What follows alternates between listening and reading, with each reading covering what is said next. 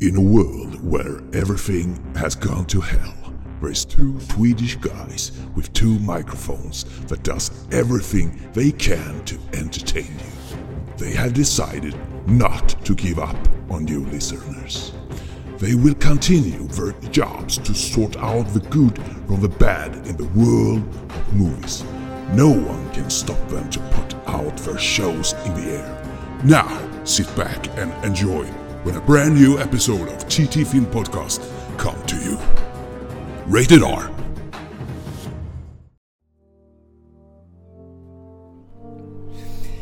Sommaren är här, semestern är här, TT Film Podcast är här. Vi ska leverera ytterligare ett avsnitt till er sommarheta, eller heta sommardagen heter det kanske. Där solen har stekt oss, ja, knaperstekta mer eller mindre. Vi ska givetvis prata om en film som min andra partner på andra sidan, vilket jag snart kommer att presentera till er, har ratat och inte ens såg klart. Vi ska prata om eh, gamla morföräldrar, eller farföräldrar rättare sagt. Vi ska prata om kanske lite självmord till och med. Vi ska prata om spindlar som finns i huvuden eller inte eller något liknande. Men någonting har de i alla fall där. Och då har vi våran allas läckerhet Chris Hemsworth med också. Mm. Och på begäran från min allt ego på andra sidan så ska vi prata om 1984 och den som har valt det är ju givetvis min kära underbara skäggiga partner på andra sidan, herr Hellberg. Jag är faktiskt inte så skäggig just nu men eh, tack ändå för introduktionen. Tack och dessutom så har inte jag semester än. Tre veckor till får jag allt minsann vänta. Ja, okej, okej. Ja, Jag har nog två veckor. Jag går 27, mitten 27 går jag. Mm, men det lät ju bra att sommar-Sverige är här och alla har semester och ligger och badar i poolen och dricker tonvis med rosévin eller öl eller vad det nu är och bara njuter av den här 30-gradiga hettan som har svept över landet. Precis. Så med andra ord kan jag tänka mig att du på andra sidan sitter där och har fortfarande ett glas öl eller en rosé då i, i en balja fram bredvid dig. Ja, men jag kan ju inte sitta och dricka alkohol när jag spelar in podd. Hur skulle det se ut? Jag har faktiskt ställt en flaska Pepsi Cola eh, bredvid mig. En och en halv liter så den ska räcka genom hela avsnittet. För jag misstänker att det blir som vanligt att när vi sätter igång att det drar ur på tiden. Ja, Jag har faktiskt lite alkohol bredvid mig så jag har faktiskt för en gång skulle jag brukar det ha men den här dagen har jag det. Du ska få en ledtråd vad jag dricker för någonting. Det, ledtråden är en packad person accepterar att göra någonting. En packad person att acceptera att göra någonting. Drunken eh, accepted person. Nej, jag vet fan. Vad blir det? Chablis. Ja, du dricker ju ditt vanliga. Just det, du är ju finrumsdrickare. Ja. Det där borde jag komma ihåg sen, sen vi gjorde våran sommarspecial. Vi pratade om actionfilmer med hårdingar. Då drack du också. Chablis. Jajamän, precis. Det var faktiskt ett väldigt bra avsnitt så att nu när det är sommar så kan ju våra lyssnare och ni som inte har hört det gå tillbaka i våran katalog och lyssna på det. Det var faktiskt riktigt underhållande. Sorgligt men underhållande på Bishop Arms i Örebro. Ja, då. Ja, vi har ju x antal eh, sommarspecialer som faktiskt går att lyssna på. Det tycker Mm, jag. ja, och snart är en ny på gång. Och vad det blir Ja. det håller vi hemligt en, en stund till. Definitivt. Och, och går allting som det ska så kommer vi ha med våran sommarkatt. Hans-Åke Lilja i, i avsnittet också. Ja, ja, han får vara med på nåden här året alltså. Ja, det säger du varje gång.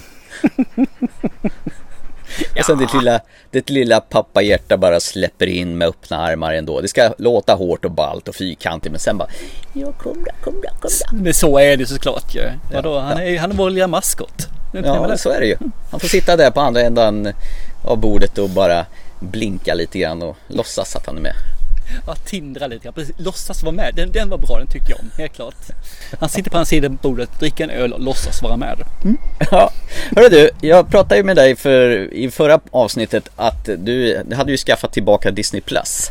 Ja, Och eh, efter du hade sett den här fantastiskt sugiga serien Obi-Wan Kenobi eh, ända in i mål så sa jag att då har du ju chans att titta på The French Dispatch. Den hade du missat om inte jag hade sagt till dig tror jag ja, jo, det hade jag nog faktiskt gjort. Det ska jag erkänna. För jag tänkte inte på att den låg där. Så det, det var en bra påminnelse, det tycker jag. Definitivt. Ja.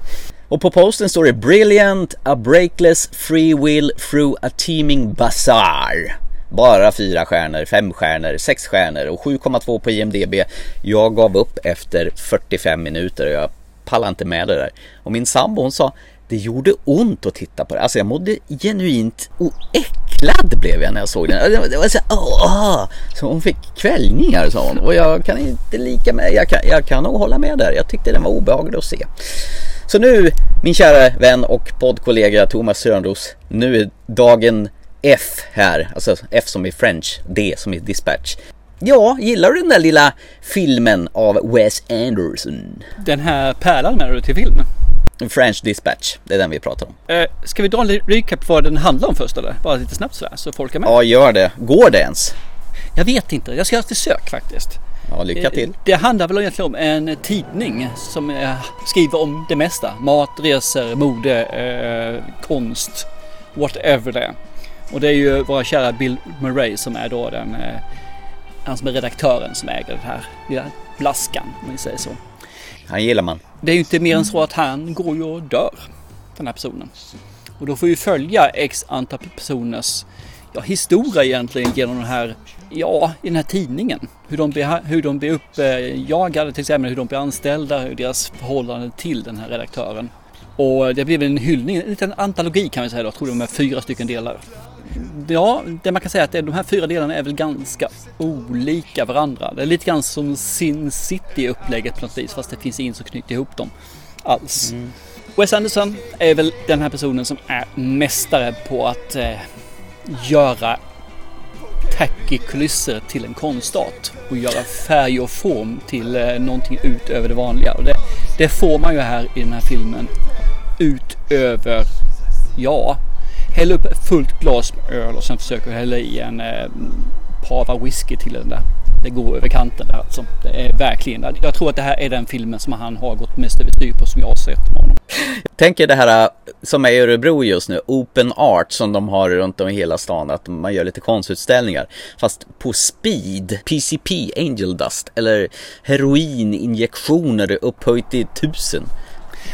Tycker jag nog att man ställer sig kanske då en 40 stora konstverk i en lite för liten lokal. Mm. Så man inte vet vilket konstverk som är det andra och var det ena slutar och det andra börjar. Jag, jag satt där också och jag kan säga så här. Jag gjorde någonting som inte du gjorde. Jag såg givetvis klart den här filmen. Åh, oh, vad du är duktig! En golfapplåd kommer här.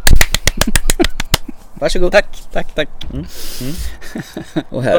Jag, jag tittar på den här filmen och den är svår. Den är jättesvår den här filmen tycker jag. Jag tittar fram den och den, är, den tar emot. Den är som du säger, det är lite grann så här, vad fasen är det här? Tills man kommer fram till ungefär en 47-48 minuter. Och jag stängde av lite 46. Ja, precis. Där så tänkte jag att jag skulle stänga av den här filmen. Uh -huh. För den här är riktigt jäkla lusig. Men efter de här 48, 48 minuterna så är det faktiskt samma sak återigen. Hela filmen är ungefär samma sak. Och jag klarar inte av den heller. Alltså jag måste erkänna och ta mig emot för jag tänkte hylla den här filmen. Utöver dess brutala nivå som fanns. Men jag kan inte göra det för det här är en riktig katastroffilm. Jag älskar Wes Anderson säger jag. Men jag tycker om hans bildspråk. När man ser den här trailern så känner jag bara att oh den här filmen vill jag se. Och när jag sett filmen så här då vill jag inte se den här trailern längre för det här är inte bra. Jag, jag, får inte ihop den. Alltså. Det finns ingen handling, det finns ingen röd tråd, det finns ingenting som säger att den här personen bryr mig om eller ens vad är det här för person. Det finns bara någonting som är staplat. Inte ens i ordning utan det kastar in, ja men kastar in 20 000 tidningsartiklar i ett rum. Bara så här lösblad. Och så säger man folk läs den här tidningen. Mm. Och det går inte. För du kan få en, en halvsida här som har detta och så en halvsida om det här. Nej, den här filmen fungerar inte alls för mig. Den, den är för lössläppt. Den är för osammanhängande. Däremot tycker mm. jag om det visuella. Det är ju fortfarande jävligt vackert. Alltså han är ju skitduktig på det bitvis ska jag säga. Han är lite för mycket med det här med att köra svartvitt för min smak. Men, men eh, annars eh, är ju filmen ju vacker alltså. Det är den ju. Men jag kan inte med den. Jag kommer aldrig någonsin se om den här igen. Och jag kommer inte rekommendera den till någon heller. Det får vara en riktig eh, Wes Anderson fanatiker som på något vis då har missat den här filmen. Vilket de säkert inte har gjort då. För då behöver jag inte ens säga det till dem. Uh, gud vad skönt. Jag ja. börjar tro att det var mig det var fel på. Men å andra sidan var vi två som tyckte precis likadant. Det börjar ju med att Pernilla ville ju se eh, den här uh, The Grand Budapest Hotel och den vill jag ju mm. jättegärna se om. Så att vi har sett den för jättelänge så hon sa, de har ju pratat väldigt mycket om Wes Anderson. Jag kanske inte var upplagd för den då. Nej men så är det, vi tittar på den här först och sen stängde vi av istället. Men alltså det är en jävla kakafoni av bara färger och sa- tusen saker som händer samtidigt. Ja, det finns, det finns ju ingen handling i den egentligen. Det känns som att han vill klämma in så mycket detaljer i en och samma ruta och varje sekvens ska vara ett konstverk. Roy Anderson på speed. Nej, jag, jag håller med. Alltså det gick inte. Hur jag än bar mig åt så känner jag, jag vägrar se klart på det här. Det var länge sedan det, känslan fanns. Jag brukar, precis som du, se klart men jag mäktar inte med det här alltså. Jag Jag hade inte sett klart den här filmen i normalfall. Nu var det Wes Anderson och då ville jag se Ja. klart den här fall. Och sen var det ju faktiskt lite grann en inofficiell eh, handsken i kastad stuket från din sida. Vilket Mm. innebar att jag var tvungen att se klart den i fall i fall den faktiskt blir bättre. Men i normalfall hade jag stängt av den här och aldrig mer sett på den igen. Inte kastat en blick, aldrig nämnt den. Du hade varit ursäktad ifall du inte hade gjort det. Nej förresten hade du inte alls varit. Du hade häcklat skiten ur dig. Ja precis och det är därför jag såg klart den också bitvis. Du vågar inget annat. Men hur i hela friden kan 109 000 pers röstat så att den har 7,2 av 10 på IMDB? Är det bara att alla måste älska allting som Wes Anderson gör? Skit eller inte skit? Ja, antingen är det ju det som sagt att Wes Anderson-fanatiker ser någonting i Wes Anderson-filmer. Ungefär som eh, Nolan-fanatiker ser någonting i Christopher Nolan-filmer. Alla Nolan-filmer är bra oavsett. Eller så är det det här att de ser någonting som inte vi ser. Vi, eh, det flög oss över huvudet här kanske. Möjligen. Ja men eh, gud vad skönt. Ja, jag förstår det. Då kan vi göra som Sverker. Vet vad tycker en jävla skitfilm? Ner i soptunnan. Ja, absolut. Fasen, vi kan eh, kasta in den någonstans i ett landfill så ingen hittar den igen. Det är ju nästan en, enbart en orsak att säga upp Disney Plus för att den besudlar hela Disney Plus den här filmen. ja, jag kommer snart säga upp det, det kommer jag göra, stämmer. Hoppa vidare lite, vi- började lite grann förra veckan så körde jag lite vad som har dykt upp på streamingtjänster. Några titlar till där verkligen som dykt upp här sen sist. Kör! Så för två veckor sedan och framåt till idag så har jag samlat på lite grann som har dykt upp då. Och det behöver som sagt var inte vara nyheter utan det kan vara lite gamla godingar som dyker upp. Och det är faktiskt den första filmen jag ska nämna. Det är en film som ligger på Prime Video. Och det är en av mina absoluta favoriter. Den landade som nummer ett hos mig 2012. Oj. Och det här är Cloud Atlas. Ah, din favoritfilm av bröderna, förlåt, systrarna Warskawski. Det här var en av de första filmerna vi pratade om faktiskt i vår podd. Ja, avsnitt två tror jag. Eller var det Ja. första avsnittet? Nej, det första var det inte. Jag tror det var någon, ett, två, tre någonstans där. Just det. Gå inte tillbaka och lyssna på det tack. Alltså egentligen skulle jag se om den filmen och recensera den en gång till med, bara för att. För den här filmen super. okej. Jag har sett om den tror jag fyra gånger. Första gången så bara jag skit på. Andra gången jag såg om den så var den ännu bättre. Tre gånger jag såg om den så var den minst lika bra som andra gången. Och fjärde gången jag såg den tillsammans med min tjej som inte förstår den och inte tycker den alls är bra. Så var den fan som är bäst. Så den här filmen blir bara bättre och bättre för varje gång alltså. Okej, det där är alltså din Highlander med andra ord. En sån där som du kan se om hur många gånger som helst. Ah, jag har ingen så. Ska man säga det så tror jag nästan Arrival är en film jag som sett om, eh, om mer ofta. Om man säger så. Det är svårt att se om en film som är tre timmar lång. Det är det mesta. är. Ja, det är ett jävla schabrak till film du där. Men jag tycker om den. Den, den vävs ihop så jävla snyggt som den gör. Det finns så mycket detaljer i den som man inte får se de första två gångerna, tre gångerna, kanske inte ens sjätte gången som jag inte har sett den än. Utan det är hela tiden nytt som kommer in och man ska egentligen veta vad som händer och hur den slutar för att kunna förstå alla moment i filmen. Den är ett jävla mästerverk. Fy fasen vad bra. Om inte jag minns fel så är Tom Hanks och Halle Berry med den va? Mm. Det är de två huvudrollsinnehavarna. Det är de som hela tiden jagar varandra i varje liv de lever. Sen har vi faktiskt en till på HBO. Det här är en film jag bara sett en gång men jag tycker den är värd att nämna för folk som kanske inte har missat den eller som känner att jag vill se den igen men kanske inte vet var de kan se den. Och på HBO finns det en film som heter Schindler's List. Också tre timmar lång så det är inte heller något man ser om bara apropå. Va? Men den, den är ju groteskt bra den också. Jag har faktiskt bara sett den en enda gång. Ja okej okej. Jag vet att Liam Neeson har huvudrollen i den, men jag kommer inte ihåg vad han gör i den. Jo, han räddar säkert massa judar. Det är ju hans som kommer... är Schindler. Så att, eh, Ja, och sen vet jag att det är en liten tjej som går runt med en röd scarf eller röd regnkappa eller någonting. Det är det enda som är färg i hela filmen. Ja, precis. Stämmer, stämmer. Inte. och Oj, som en sista så ska man en serie på eh, Netflix faktiskt. Jag har bara sett säsong ett på den. Det finns tre stycken säsonger. Första säsongen var riktigt, riktigt underhållande. Den var lite jobbig att ta sig in i de första avsnitten. Men ger man den de här obligatorien tre, fyra avsnitten så kommer den att växa efter det. Sen och bli hur jäkla underbar som helst. Och det är The Umbrella Academy. Jaha, den där ja med apan va? Precis nu släpps säsong tre på den. Ja, det är en apa Ja. eller ap, Ja precis, det finns en apa här. Stämmer, stämmer. De här tre skulle jag vilja skicka med folk att det här finns på våra kära streamingtjänster. Så titta in på dem. Bra tips där.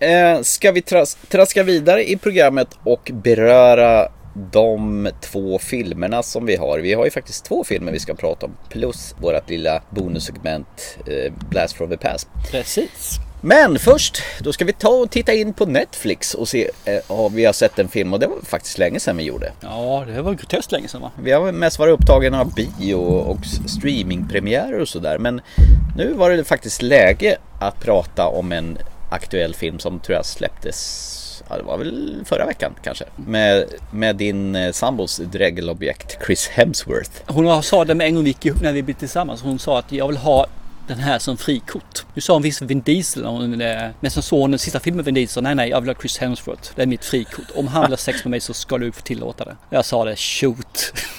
Då ska han ha sin fake mage som han har i Avengers Endgame på sig då. Ja, precis.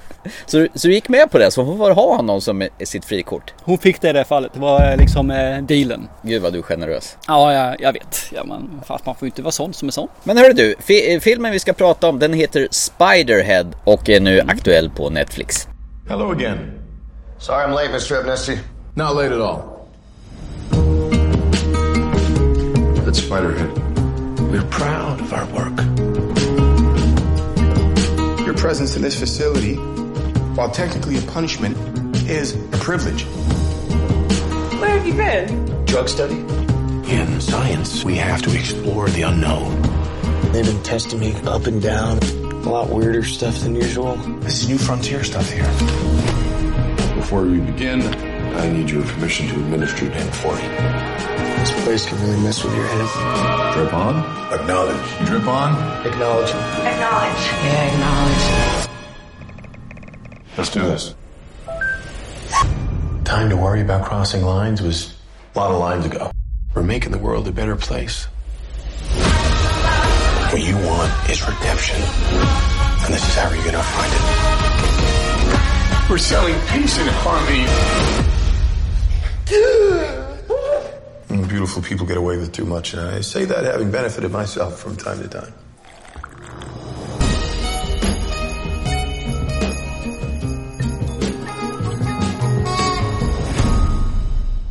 Spiderhead, va, vad heter den så för egentligen?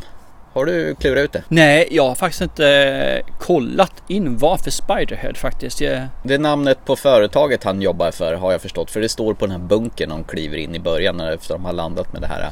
nej, företag heter något annat ju. Företag heter ju Abnesty eh, någonting. Pharmacals. Men däremot kanske bunkern heter det här fängelset. Heter Ja, Spiderhead. så var det nog. Det är nog bunkern för det står med stora bokstäver när de kliver in där. Ja, men där har du ju orsaken. Det är där de är. Filmen heter Okej, Spiderhead. just det. Vi löste det utan att veta ett smack om det alltså.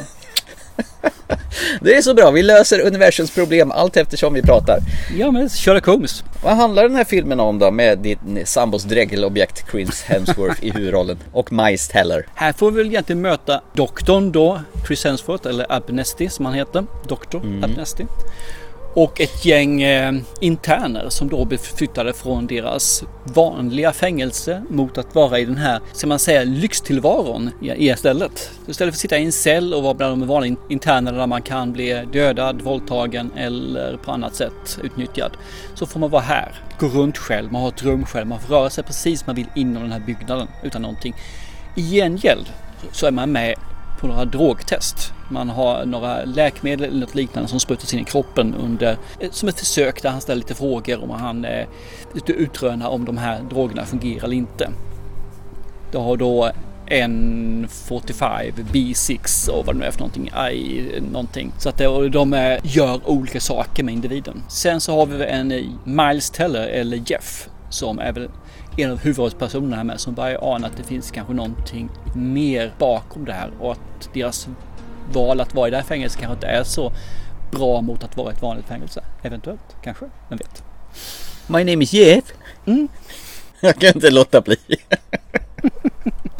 Haha. Vad fan var det för något? Va? Jeff? My name is Jeff. Jeff? Ja. Jo men, jo, men det är 21 Jump Street. Det här med Jonah Hill och han, han som är med i den här Mm. Sandra Bullock-filmen som kommer snart på streaming. Den här Lost Jungle eller vad fan den heter.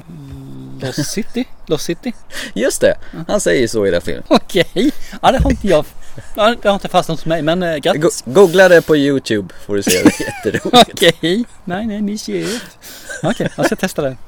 Gå vidare till filmen vi ska prata om, eller är vi färdiga med den? Nej, vi var inte färdiga.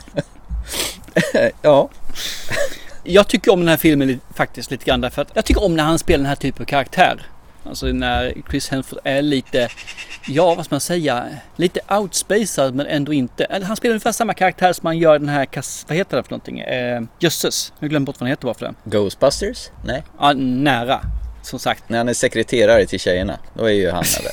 Fast det var inte den du tänkte på. Nej, det är inte det jag tänker på. Jag tänker på den här när de är på det här eh, hotellet eller... Men in Black? International? Nej, fortsätt. Avengers? Äh, Tool? Bad Times and Casino Royale heter den. Ja, ja, ja, ja. Det, Nej, Bad Times and ja, El den. just det. Den har fan glömt bort. Den var ju jättebra. Där är han också så här outspacer. Han, han, han har ett kroppsspråk som är väldigt yvigt och han har ett personlighet som är väldigt yvig. Och det här, han har samma här också. Jag tycker han faktiskt fungerar jättebra i det. Sen är det vad får man kan bara vara den personen. Han kanske inte är en bättre skådespelare. Men den fungerar i alla fall tycker jag på honom. Han har ju så här små maner när han liksom vrider lite på huvudet och så blinkar han till lite grann och sen flinar han så lite i mjugg. Han Det är så har lite pojkaktigt sådär. Ja, och han ser han verkligen älskar att hålla på och experimentera på de här folket och ah, nu trycker vi lite den här drogen, nu trycker vi lite den där och så ser vi vad som händer. Får jag göra det? Får jag göra det? Acknowledged. Ja. Ja. Ja men jag håller med, han är, han är, han är skön, han är en skön jävla prick. Det är svårt att ogilla honom. Ja men visst är han Han är ungefär som Tom Hanks. Det är svårt att ogilla honom. Vad han gör för någonting så tycker man ändå om honom. För han var ett jävla svin ju i den här El Royale. Han har ungefär samma e- egenskaper här också men man tycker ändå om honom. Alltså det är inte mer med det. Och sen så är han ju jävligt snygg. Hur han än beter sig och ser ut så är- han alltid snygg i glaset ju. Ja det är han vilket jävla as alltså. Han måste ju Ja. varit Guds formel A. Så här ska en människa se ut när han landar på jorden. Det är ungefär som Gal Gadot, eh, kvinnan som sattes ner för att berika världen. Mm, mm, ja, Nej, okej. nej det får du inte med där. Nej, nej, okej. Tilda Swinton då? Ja, här tycker jag om. Helt klart. Ja, hon ser ju androgyn och härlig ut. Man kan ju Ja. misstänka att, han, att Du har inte sett henne när hon verkligen spelar en kvinna. Alltså hon är skitsnygg så hon är. Ja, hon var väl med i den här French Dispatch också? Var någon Ja. jäkla... Det var hon ju. Eh, Miles Teller då? Har du sett honom någonting mer än i trumfilmer på senaste tiden då? Ja, jag såg han ju senast i Top Gun, Maverick. Han spelar ju sonen till Ghost där. Just det. Han slog väl igenom med de här äh, tramsiga, vad heter det? De här Maze Runner tror jag han var med i. Ja, det kan nog stämma, sa jag. Fast han ser ju likadan ut varenda jävla film. Han ser så här trumpen ut. Tycker han har ett jävla stelt skådespel. Jag har, ärligt talat har jag väldigt svårt för Miles Teller. Tycker han Mm. är ganska bra som skådespelare och jag tror han kan bli ännu bättre när han väl mognar. Inte bara utseendemässigt men även mentalt. Så jag tror han kan Mm. bli en riktigt jäkla nice skådespelare. Jag ser honom som en jävla bortskämd tonåring som har fått allting han pekar på och är aldrig nöjd i alla fall. Han slagit sönder det jävla trumsetet i, i Whiplash så blodet sprutar och, och han fick flyga F-18 Hornet i Top Gun. Han var inte nöjd förrän han hade kraschat 10 plan och bara ah, jag vill ha ett dyrare. Men det är en bortskämd jävel. Vi går vidare med filmen tycker jag. Du har väldigt lätt att spåra ut här. Undrar hur mycket rosévin du drack innan då? Nej men det, det har gått ur. Nu är det cola jag dricker. Jaha, cola. Mhm. nej, Eh, nej. Näskola. Okej, okay, då förstår jag. Äh, nej det är allergin vet du.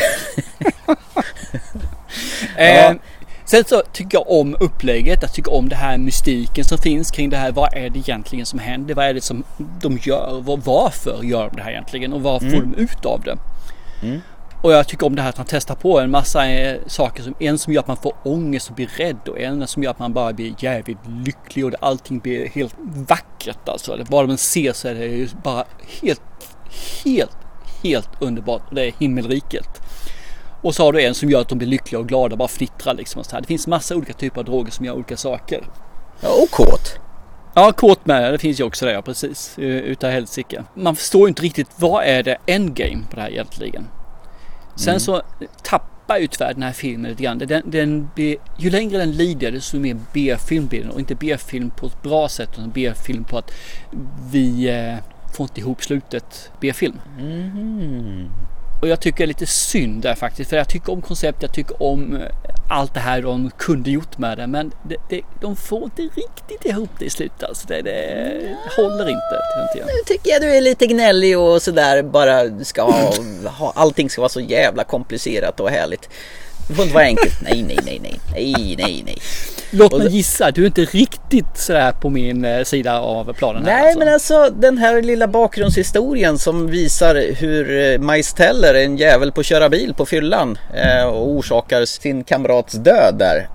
Den tycker jag var trevlig. Eh, som man får återbesöka ett par gånger och får se den i lite olika perspektiv. Vilket som gör att han hamnar i första läget på den här anstalten och gladeligen får massa injektioner insprutade. Men däremot så måste de konsenta att de får den skiten insprutade. För annars så går det inte att göra det.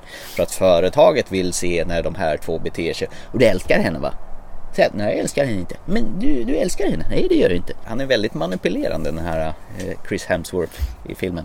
N- Nu svamlar jag. jag bara, och en karaktär till, hon som är i köket och lagar maten åt den, Journey Smollett som spelar Lizzie. Hon är ju jättebra. Charmig, det är hon helt klart. Jag har ju sett henne i Birds of Prey och Lovecraft Country var ju hon med i också i. Hon var en av huvudrollerna stämmer. där. Fantastiskt bra skådespelare. Hon gör ju filmen så att den lyfter lite grann. Mm, Hon ska väl göra den här Black Canary sen också verkar det som längre fram här. Ja, hon får en egen film. Mm. Fan vad gött. Sen gillar han som sitter bredvid Chris Hemsworth Abnesi i kontrollrummet. Han den unga asiatiska killen. Burr Lane tror han heter. Som spelar som Mark Paglo. Som börjar fundera på om det riktigt är okej det de håller på med egentligen. Vet du, vad, jag, vet du vad jag tyckte att det här var? Det här var ett kammarspel. Och hur brukar vi gilla kammarspel? Oh, bravo! Excellente! Den vill... spel. För det första finns Nej, men vad fan, de är ju bara där. Och, och, Och så sen fick så är jag lite sån här... ute, ut med båt lite grann och så här också. Och sen så får man ju se den här eh, flashbacksen. Bara, jag tycker inte det är riktigt det här 100% kammarspel. Det här är inte. Och när man gör fake kammarspel så tycker man inte om det, eller hur? Men om du skalar bort de bitarna då, så är bara inne i den här bunkern. Vi skalar bort dem så är fan Top Gun också eh, kammarspel. De är ju bara det där flygplanet. Ja men vadå? Jag fick lite Ex Machina-vibbar av det här också. Vad var det på sån här komplex och det är någon som gör massa experiment och sådär. Och Fast jag tycker inte det. Nej, det håller jag inte med om Ex Machina faktiskt att göra det. För att för det första där så är det ju, ja det är visserligen androiden där då som är Alicia Vikander som är. Försöksobjektet. Egentligen är det han som kommer på besök som är försöksobjektet. Där. Fast ändå inte ju. Omvänt kanske. Mm. Nej, jag håller inte med. Det, det är inte samma upplägg någonstans där. Framförallt när man kommer framåt slutet så är det definitivt inte det. Ja men det här skulle lika gärna kunna heta Ex Machina 2 Spiderhead undertext. Fast utan Ja, och- Alicia Vikander. Och sen under så här så står fake news i sådana fall. Nej, och utan Oscar Isaac också. Eller kvaliteten. Ja men det fungerar absolut för mig. Men vad fan? Vad, vad sur du var nu då? Ja, nej men jag blir faktiskt besviken på det. Jag, för jag tycker om början, tycker om tills det börjar uppdagas lite grann. Jag känner att de lyckas, lyckas inte hålla liv i den. Alltså det, det är ungefär, den första tredjedelen är jätteintressant. Och sen så åker man inte riktigt. Det är ungefär som man springer ett maraton. Efter en, en mil så håller man ett bra tempo, allting flyger, fåglarna kvittrar. Efter två mil så börjar man känna liksom, fan har jag inte ett krampkänsla? Ont i ryggen har jag med. Och sen när man kommer över tre mil så förstår man liksom att folk hejar inte med, de buar på mig. Och efter när fyra mil upploppet kommer där och alltihopa så inser man att alla har gått hem och ingen vill vara med längre. Känns det sådär för dig när du sitter och tittar på filmen? Alltså, får du de där kramperna i kroppen där? Filmen påverkar dig så negativt eller vadå? M- Metaforiskt att säga, men bildligt ja. Nej men Ja. jag, jag känner liksom att den orkar inte med. Den, den här är inte jättekass. Jag vill inte sätta den här som att Åh, den sämsta filmen det här var decenniet. Det är den absolut inte. Men den orkar inte hålla kvaliteten som den skulle ha. För storyn är så jäkla intressant alltså. Men de orkar inte göra de orkar inte hålla i de orkar liksom inte föra det här i mål. Utan någonstans på mitten så känner bara antingen tog pengarna slut eller så fick han ett nytt uppdrag, eh, regissören, vad vet jag. Kolinski fick kanske något annat att göra. Eller så var han bara inne och körde eh, reklam för sin eh, Top Gun Maverick-film. Jag vet inte. Men någonting hände i alla fall för den, den domnar bort filmen. Men kunde du inte bara ha stannat där vid att det var en intressant film i början så kunde du ha lämnat det där sen. För det är ju faktiskt som du säger, det är ju regissören till Top Gun Maverick och Oblivion. Och även Tron Legacy också för den delen. Ja, ja den jävla skitfilmen, den nämnde jag inte ens för att den var inte värd att nämna. Hade det varit bättre om det var Tom Cruise då som hade spelat Miles Tellers roll då? Hade du blivit nöjd då? Nej, Nej, nej. nej, nej. Det ska vara om han så i alla fall bara överkropp och spelar volleyboll eller standbollboll. Ja, det, var den scenen du saknade. Då hade det varit pricken över i. Ja, men vad är det som du tycker gör den här så extremt bra då? För det att jag inte tycker den är bra och jag har talat om vad jag tycker det framgår väl klart och tydligt. Men vad, vad är det som gör att du sätter den här så högt som du verkar göra? För det första att Chris Hemsworth är ju mumma att titta på och när han spelar över, vilket han gör i den här filmen. Han med smör på. Det, det märks ju, nej men smör, Bregott kanske. Det, det, det syns ju att han har jättekul när han håller på här och njuter i varenda bildruta. Miles Teller hade jag gärna sett vem som helst spela utom honom. Jag tycker han är en jäkla träbock. Han kan sälja sig till Keanu Reeves i, i hans skämshörna. Han kan, han kan hoppa i John Wick 8 eller någonting. Där passar han hemma där. Eh, däremot så som sagt gillar jag ju hon den kvinnliga tjejen Lizzie där. Och sen var det ju en, en riktigt härlig grisig scen där i mitten som jag inte riktigt såg komma. Det, det förstärkte hela. Och så gillar jag den här bakgrundshistorien för, för Miles Teller eh, när, han, eh, när man visar varför han hamnar där. Ångesten som finns där när de är ins inburade i den här glasbubblan där. Och där de gör massa testerna och ställer massa frågor och så skruvar de upp de här drogerna och man hör bara plips! Jag tycker det är rätt ballt med den här lilla chippet de har i ryggslutet där med de olika färgerna som de har stoppat in och, och lösningen där varför de här olika drogerna heter vad de gör med bokstäver och siffror.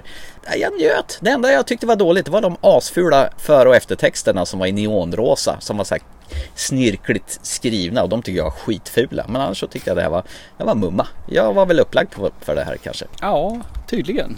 Nej, nej, ja, nej, nej. Jag, faktum att min tjej som såg det tillsammans också tyckte ungefär som jag också faktiskt där. Fast Chris Hemsworth var med så kände hon också att det var inte riktigt. Hon sa att den var en OK-film uttryckte hon det som. Var det en porrfilm? Eh, hur kan du höra porrfilmen säga OK-film? Nej, jag hörde porrfilm. det var fan. Ja men okej, det är därför du tyckte den var bra då kan jag tänka mig. Helt klart. Jo, i och för sig, det nuppades ju lite grann, det gjorde det ju. Men det är klart, om ni kallar det för porrfilm så okej, för min del. Så är väl det okej. Ska vi lämna Spiderhead då med, den, med de fula för och eftertexterna då? Ja men det kan vi göra, definitivt. Mm. Eh, Jag känner att den, den hade jag inte mer att tillföra men att det var en med film. Ja, med, med kan väl vara bra för andra och för det ena så är det ju med. Jag Ja. tyckte det var mer med.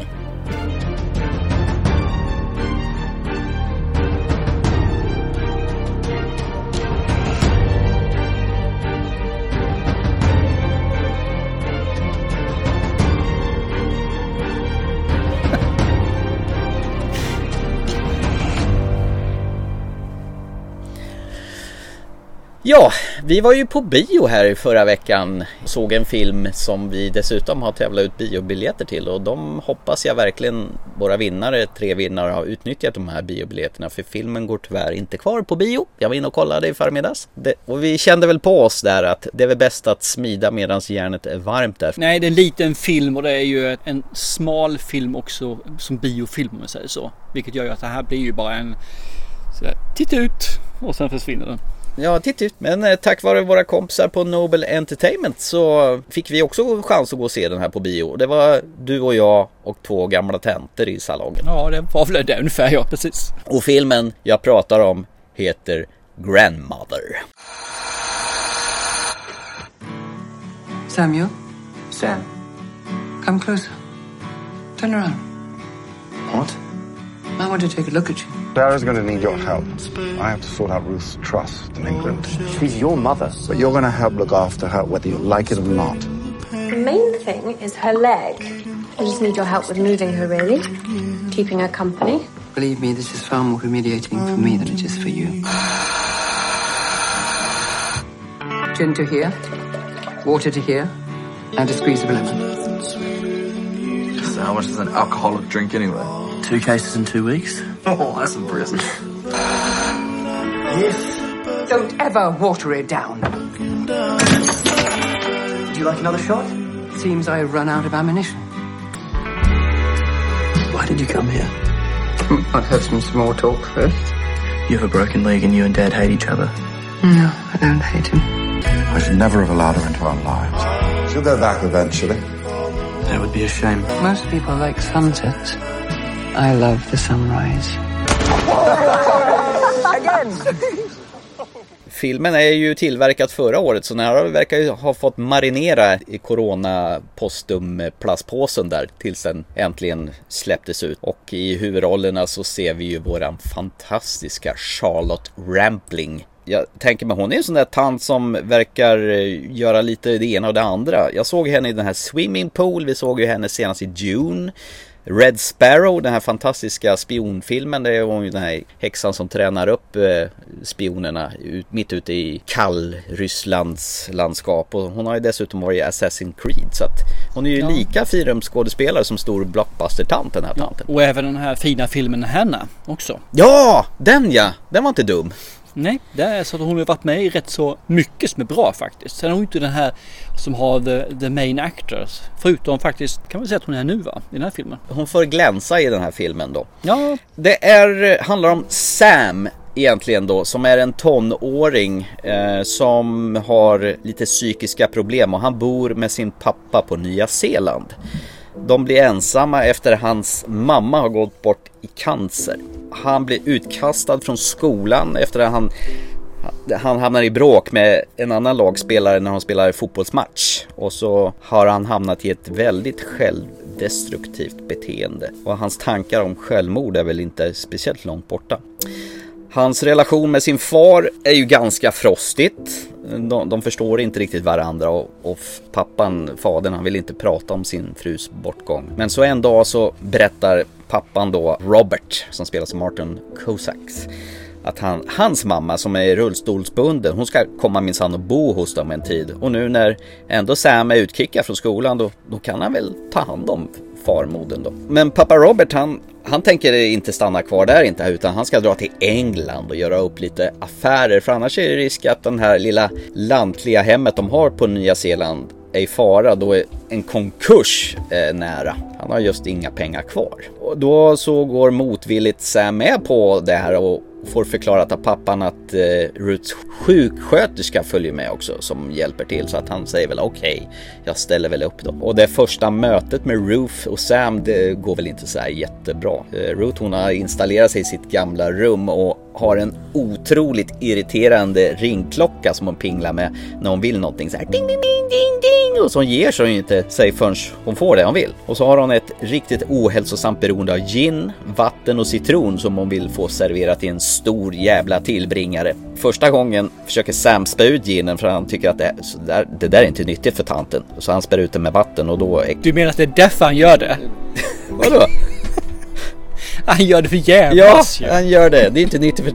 Inte för att det är onyttigt för tanten. Och nu ska jag ta hand om min eh, Nej, han är ju här. sur på att hon är där och förstör hans tillvaro förstås. Nu jävlar ska hon få. Ja, hon har ju tagit över hans mammas Ja, gamla rum. jävla kärring. Det Fy fan. Men hon märker ju det och blir skitförbannad och kastar ju fan gla glaset i skallen på honom. Så här. Och hon svär och skitelak och, och han Sam han ser ju sin kommande sommar bli ett riktigt jävla helvete där. Ruth är en gammal krigsfotograf som hon har ju sina demoner och så dövar hon säkert sin smärta med allt jävla alkohol med ginen då och Sam han känner väl att han står väl på dödens kant och tycker att mening med livet, det är ju helt borta. Så frågan är ju då om de här två trasiga själarna kommer mötas någonstans på mitten. Ungefär en en halv, nej, en vecka sedan vi såg den här och jag märker med mitt gamla gubbminne här så jag har lite svårt att komma ihåg egentligen vad som händer så att jag var tvungen att se trailern liksom. Ja visst ja, så där var det ja, så där ja. Nej men seriöst! Jag, alltså, filmer det försvinner så fort på mig. Jag måste nästan se dem typ dagen eller dagarna intill för att vi, vi ska ha något vettigt att säga. Så att det här ska bli spännande. Vad vad var din känsla om den här då? Så, Sherlock Rampling kommer in som en jävla surkärring till mo- farmor. Ja, hon kom ut som en surkärring och man märker ju med en gång liksom att det är en feelgood-film, en drama, en eh, personrelationsfilm kan man säga egentligen. Alla parter i filmen ska lära sig någonting om livet och gå vidare därifrån på ett eller annat sätt. Jag tycker om sådana här filmer. Det här, det här skiljer, det här är ingen nyskapande film. Det här är ingen film som överhuvudtaget säger wow, det här har gjort, aldrig gjorts förut. Så där, jag sitter där och man ser ju då Ruth. Hon är ju då alkoholistfnutt och så har hon brutit benet. Så hon sitter i rullstol då, eller en fåtölj hela tiden här som sagt var. Och så har hon ju en jävla vass tunga och ett sätt som, ja, man säger så, hon ger ju aldrig upp den här tanten. Hon ska ju ha sin vilja genom sitt sätt att leva och hon ska aldrig någonsin förlora. Och så har vi då eh, Sam eller George Ferrer då, eh, sonen som, som du säger, som har psykiska problem efter mammans bortgång. Han har då funderingar på att avsluta sitt liv. Och så kommer den här jävla tanten samtidigt som pappa överger honom för att göra klart affärerna som finns i England då ju. Och jag tycker om de här clasherna som händer med de här två. För man vet ju vad som komma skall. Eller man anar åtminstone det. Att ja, de är taggarna. Ja, det fungerar inte. Men längre fram så kommer de på något vis att gosa osa och komma överens på ett eller annat sätt. Det är i alla fall så formatet brukar se ut ju. Och så även i den här filmen då. Så även den här filmen. Och jag, jag ska säga att jag fastnade ju för karaktären Ruth med en gång. Det är liksom en karaktär som är hon har ett helvete rent sagt. Hon är ju sjuk, alltså benet och hon dricker och hon har sätt att livet tar nog slut runt hörnet. Men hon vägrar att ge upp. Hon ska slåss med näbbar och klor ända in i sista. Hon har alltså en livsgnista som är som ett jävla fyrbåk. Och samtidigt har hon då sin egenhet där hon är väldigt bitsk och väldigt, ja, ja vad ska man säga? Ja. My way or the highway. Passar inte, kan du samtidigt. dra? Typ så. Och så har vi då en helt underbar karaktär sen ju. Det är ju den här eh, Edith Poor Ja, sjuksköterskan. som är Nurse Sarah. Mm. Som är den här kristna som tar hand om henne. Religiös ut i fingertopparna. Hon tar hand om det här fast hon tycker att det är skitjobbigt och bara bitvis drar faktiskt därifrån för hon orkar inte mer och lämnar då i Sams knät. Ta hand om det som finns kvar. Och städa upp. Och sen kommer hon tillbaka och är den här underbara vad ska man säga, personen som tar hand om och vill då se till att hon eh, får frid och kan gå vidare här med sitt liv. Man säger så. Bara för att vrida lite på ventilen en stund och släppa ut lite blow-off som steam så är det okej igen för henne. För, för hur den är som sagt var så eh, man är bara människa. Hur religiös och hur god man är så är man bara människa. Och jag älskar hennes karaktär och jag tycker hon är så jäkla bra. Sen är hon ju fruktansvärt söt också faktiskt, den här, den här karaktären. Ja, jag såg nog det när vi satt på bio och du satt och tindrade där. Det började rinna i Ja, mungipan då. på dig. Ja, men det, det- beror lite grann på den karaktären hon spelar och hennes utseende och hur man lägger upp det också som gör att man faktiskt blir, man blir småförtjust i henne. Det är inte mer med det alltså. Fasen hon är ju helt härlig. Ja, Och jag brukar vara den som går igång på sådana här riktigt eh, psykopatbrudar på film annars. Men den här gången så var det helgonet som eh, tickade till lite grann. ja gränsen är kanske hårfin mellan psykopater och änglar. Så kan det vara, så kan det vara. Ja, Eh, jag, jag tycker den här filmen växer ju längre man ser den. Och jag, jag, jag, jag, sticker ut ur stolen. Jag tyckte den här var skitbra när jag gick från biografen alltså. Eh, jag fick tårar i ögonen x antal gånger i den här filmen också. Kanske som vanligt de här sekvenserna som kanske inte ska vara när man får tårar i ögonen. Till exempel när man hör en dansscen. Kommer du ihåg den? ja just När det. han är på festen. Ja, han bär henne. Där. Ja, där fick jag ju bara. Kände jag ju att det- där vred ju kranen på liksom. Och jag vet inte om det var meningen man skulle göra det men hos mig så fick det känslorna i gungning totalt alltså. Så de tryckte på rätt knappar helt enkelt. Ja, totalt. Och sen så har man ju problem när han eh, ska ju spela då en, jag vet inte vad han spelar, en 16-åring, 17-åring, 18-åring. Någonstans där, eh, 16-17. Och man har barn i ungefär den åldern, lite äldre mina barn nu visserligen. Men, och det här med mental ohälsa hos barn på film översätts ju direkt ohälsa till mina barn om de skulle ha det. Och jag känner liksom att det, det gungar igång ordentligt hos mig där med. Alltså det, det, det, strängarna knipsas på där och jag eh, får ont i magen av det. Så att det, den här filmen har ju allting det som jag går igång på. Sen så har den här filmen efter nu då eh, en tids marinerande. Den, den finns fortfarande där. Den är inte lika stark som den var då, det ska villigt erkännas. Men jag ser tillbaka på den fortfarande med eh, mysfaktor. Det här är en riktig mysfilm med, med tårar kan man säga det. Håll käften! Det är en kråka som håller på och håller på här. Tyst! Vi spelar en podd här. Hör du? Vilken jävla... Kommer här och stör. Bra! Förlåt. Han håller upp med mig, det är ju därför. Jaha. Så låt han hållas. Sitter han och skrattar åt mig här också. Däremot så var jag tyckte det var lite intressant att våran kära publik, medskådespelare, vad heter, vad heter? De besökarna, de två som var där, de var ju inte alls i den sinnesstämningen tyckte det här var någon bra film. Nej, hon var ju besviken den ena tanten. Ja, precis, tycker jag. Vadå? Varför då? Fattar du inte eller? Har du flyt under huvudet på dig? Nej. Nej då, alla får tycka vad de vill. Men jag kom, höll inte med i hennes argument där faktiskt, gjorde jag inte. Nej, hon sa väl någonting att Charles Rampling, hon gillade mer de filmer hon brukar spela i. Men vad då brukar? Hon gör ju allt möjligt ju. Hon är ju bred som skådespelare, så jag fattar inte. Vilket, vilket innebär att de filmerna hon brukar se med henne då. Ja. Det är väl det som är saken. Sen har jag sett eh, med, några som retar sig på Sam då också. Mm. Är sonen.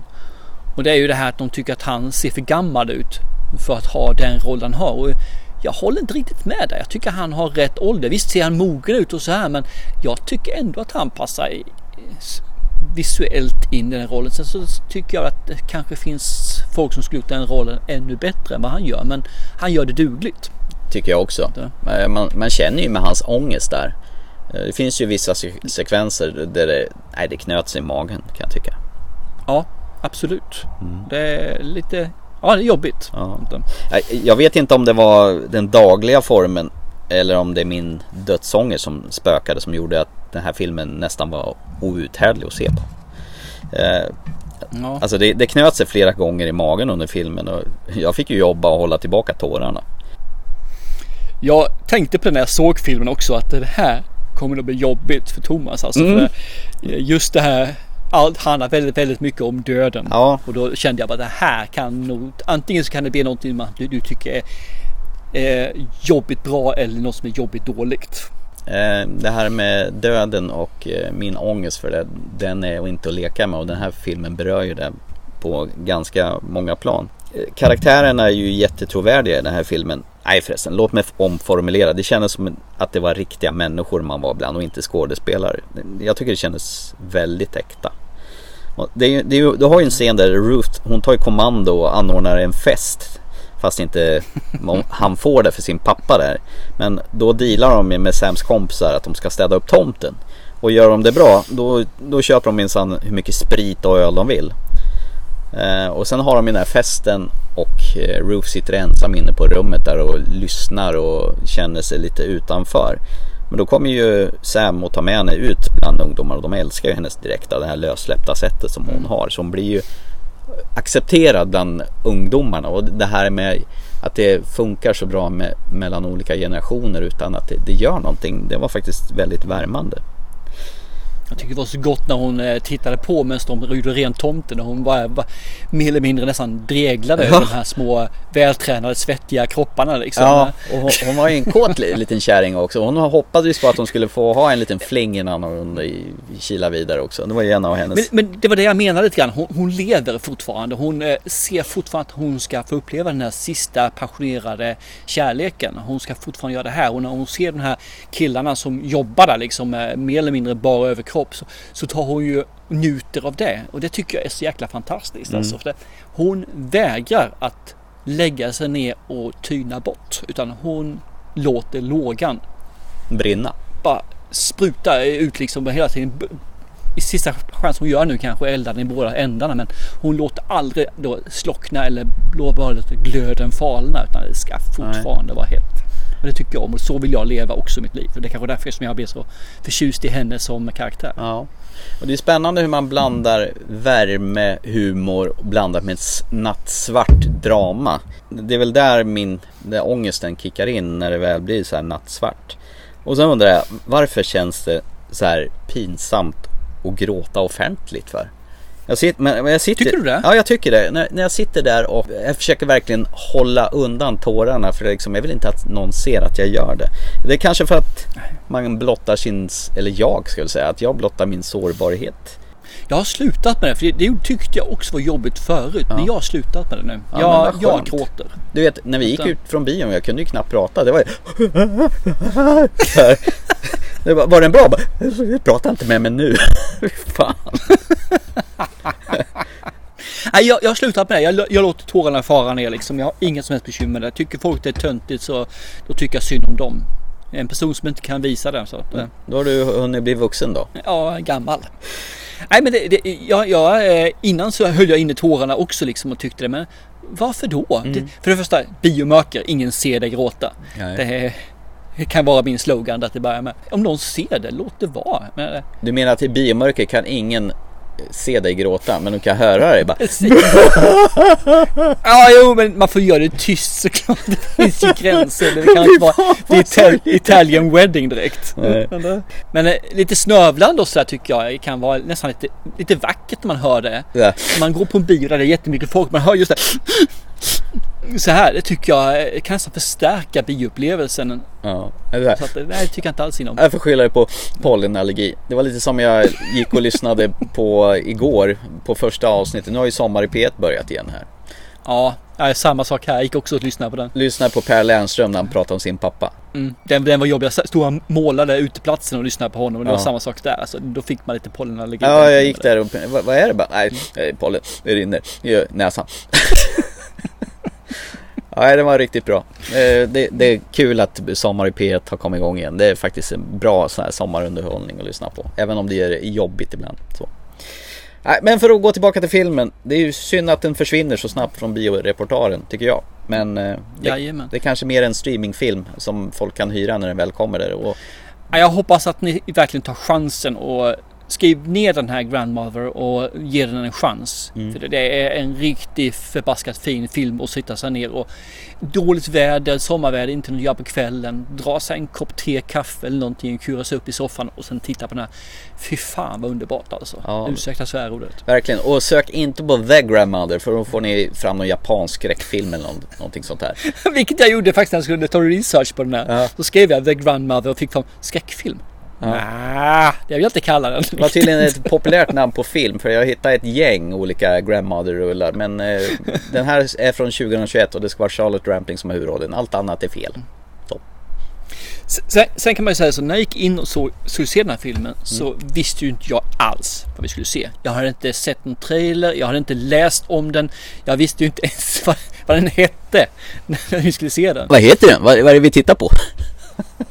Ja men så var det faktiskt tyvärr. Eller Ja. tyvärr så var det. Jag visste noll om det här. Det var en blind date med film. Mm.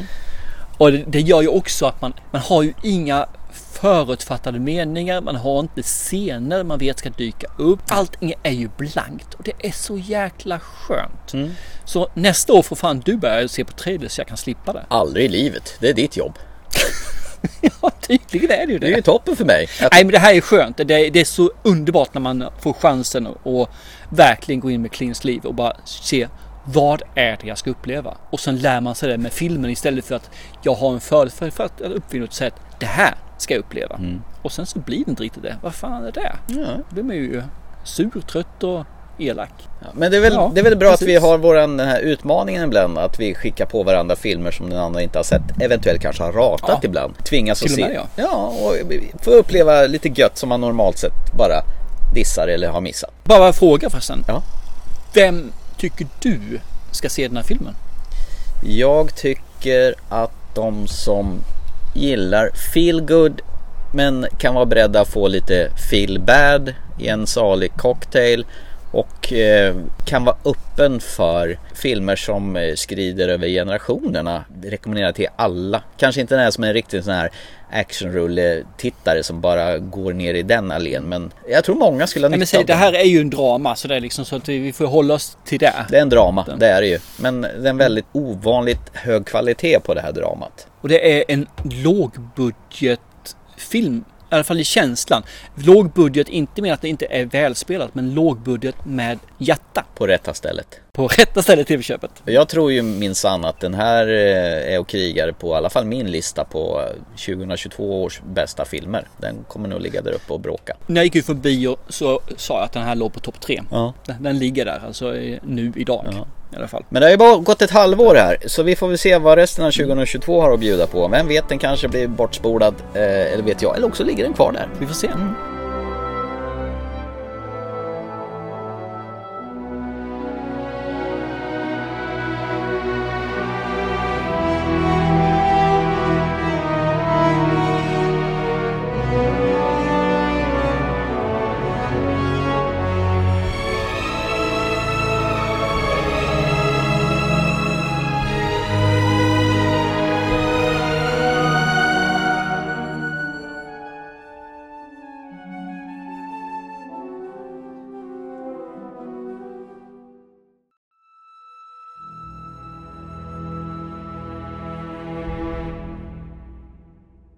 Ska vi då gå till kvällens sista segment i podden där jag bestämde förra Hör du när jag säger jag? Vilken narcissistisk ton jag hade där.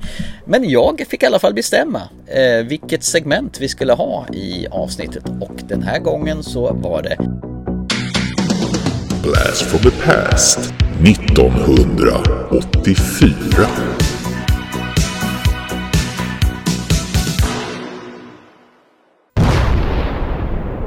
Och du försökte innan vi spelade in där skoja om att nej, det är ju 1985 för att jag skulle komma. Va? Har jag researchat på fel årtal? Men du var väl bara lite busig där va? Du, du, du blir så mycket bättre när du är lite hispig så därför tyckte jag att Ja, du kör du liksom skicka på mitt adrenalin som ska gå i botten där. Yes. Har du gjort som du brukar göra, lite trivia om eh, året?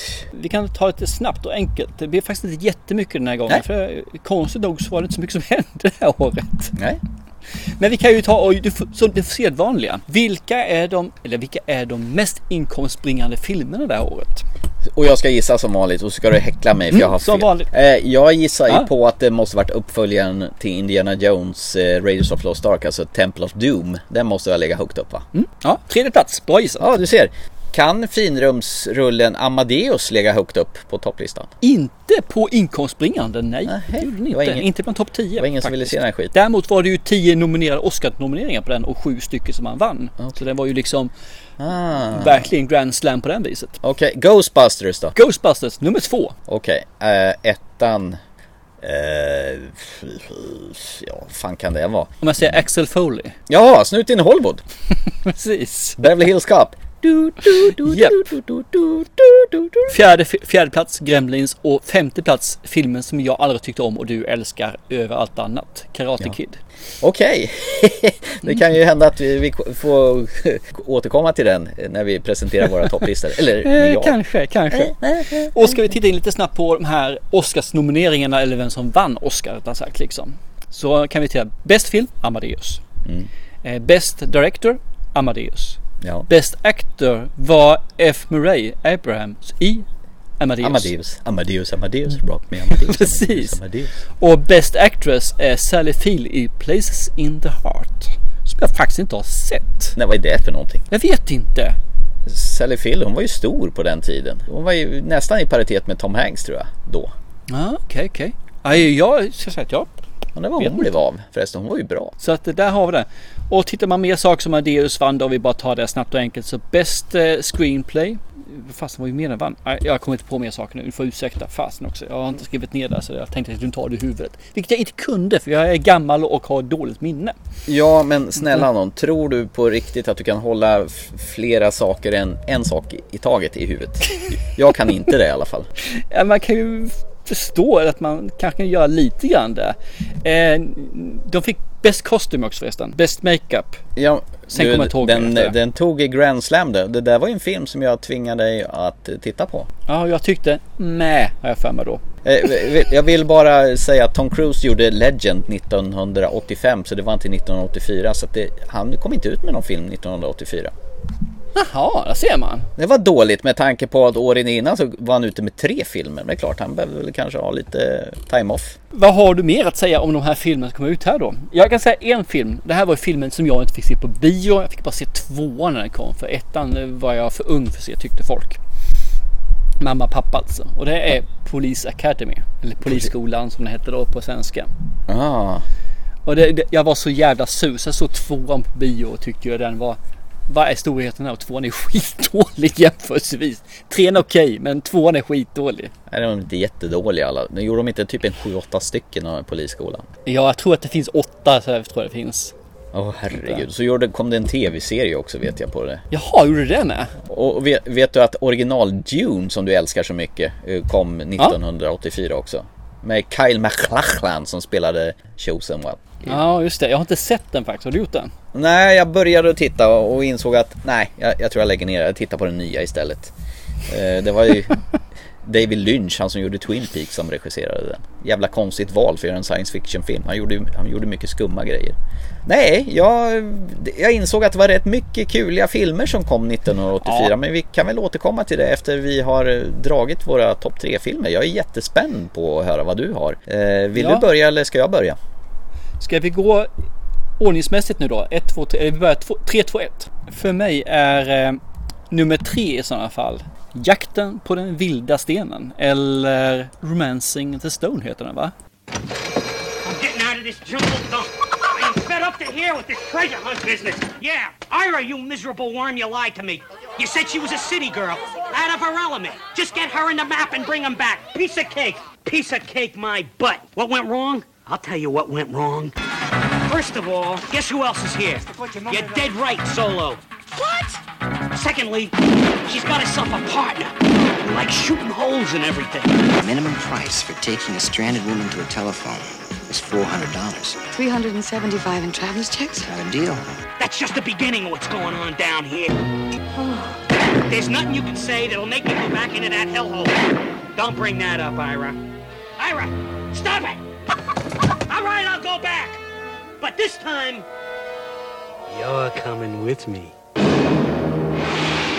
Ja, du menar Indiana Jones-kopian deluxe? Precis. Ja. Den tyckte jag var...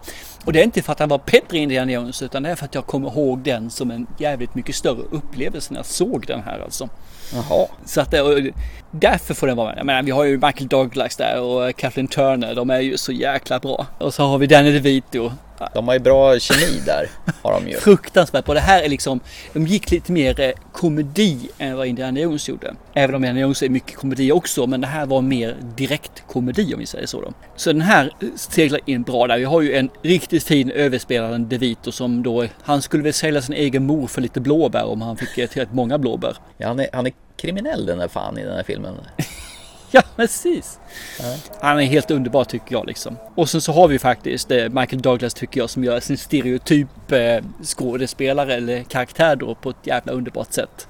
Mm. Och Kathleen Turner som är Dame in Distress samtidigt som hon faktiskt slår han på fingrarna bitvis också. Så äh, jag tycker den här är riktigt rolig, rolig och underhållande. Det var fart och fläkt och det var 80-tal. Ja, men det, det kan man lugnt säga. Och hon är författare också. Som eh, Ja, skriver... Johan, Johan Wilder heter hon ja. Ja, hon skriver om sådana här romantiska äventyr. Påminner lite grann om Lost City va? Det är misstänkt likt den här Sandra Bullock-karaktären och han är My name is Jeff. det kom han tillbaka igen. du får googla, Eh, kör på YouTube. My name is Jeff. Det är Nästan så jag skulle göra det nu bara för saken. Ja men gör det, får du titta. Så sitter jag och lyssnar. Googla. Eller YouTuba heter det. Det är från eh, 21 Jump Street. Ja, Okej, där har vi den. Ja, titta på den där. Den är lång. I'm trying to see that product. Yo, Sleepy, what's up, homie? You know my cousin, Sad Boy. I think you got the wrong guy, Holmes. Everyone's saying about yo, Sleepy, he like the Mexican Wolverine. And my partner, he want to see that product. When he talking? My name is Jeff. That's Jefe, man. Jag sa ju att det var jätteroligt. en gång till, en gång till. Oh, yes. Jag kan inte göra en gång till, det var jätteroligt. Vänta, Det här blir det då. My name is Jeff. Fy fan vad dåligt! Har inte du sett det där? Jo, hur fan kunde jag glömt bort det? My name is Jeff. Ja, det var kul va? Fy fan vilken bra podd det här är.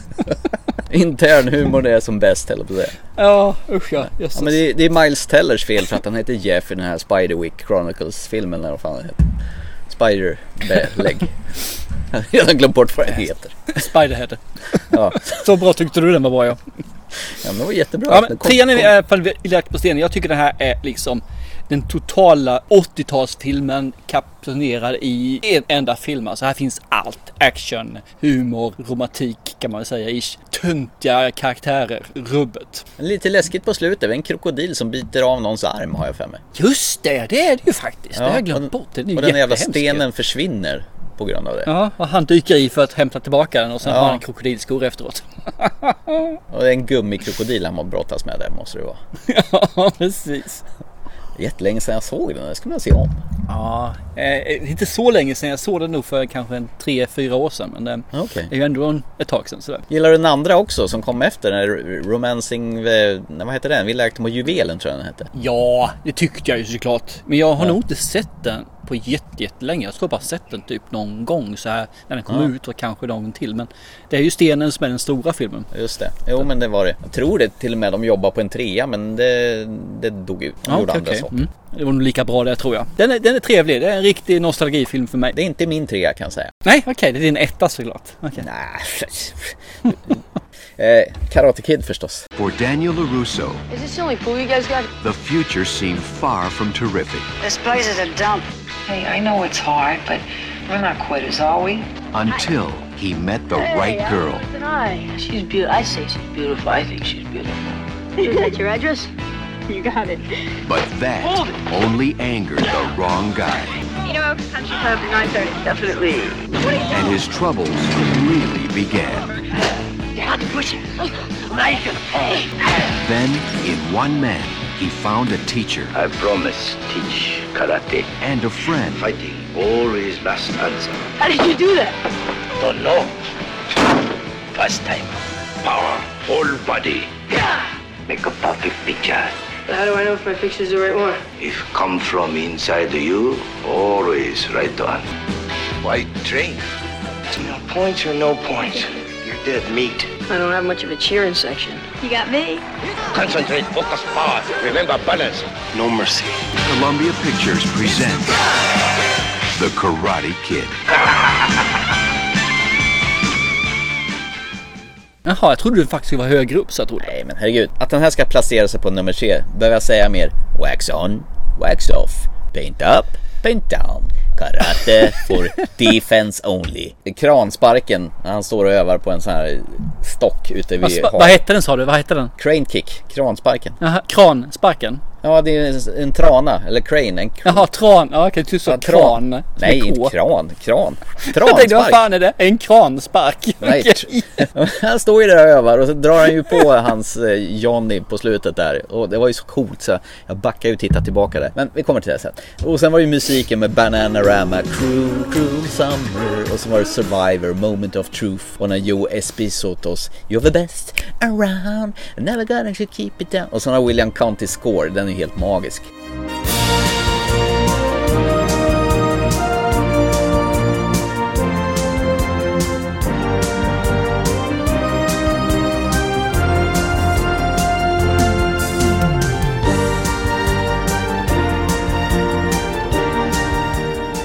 Och sen har ju min tonårscrush Elizabeth Shue.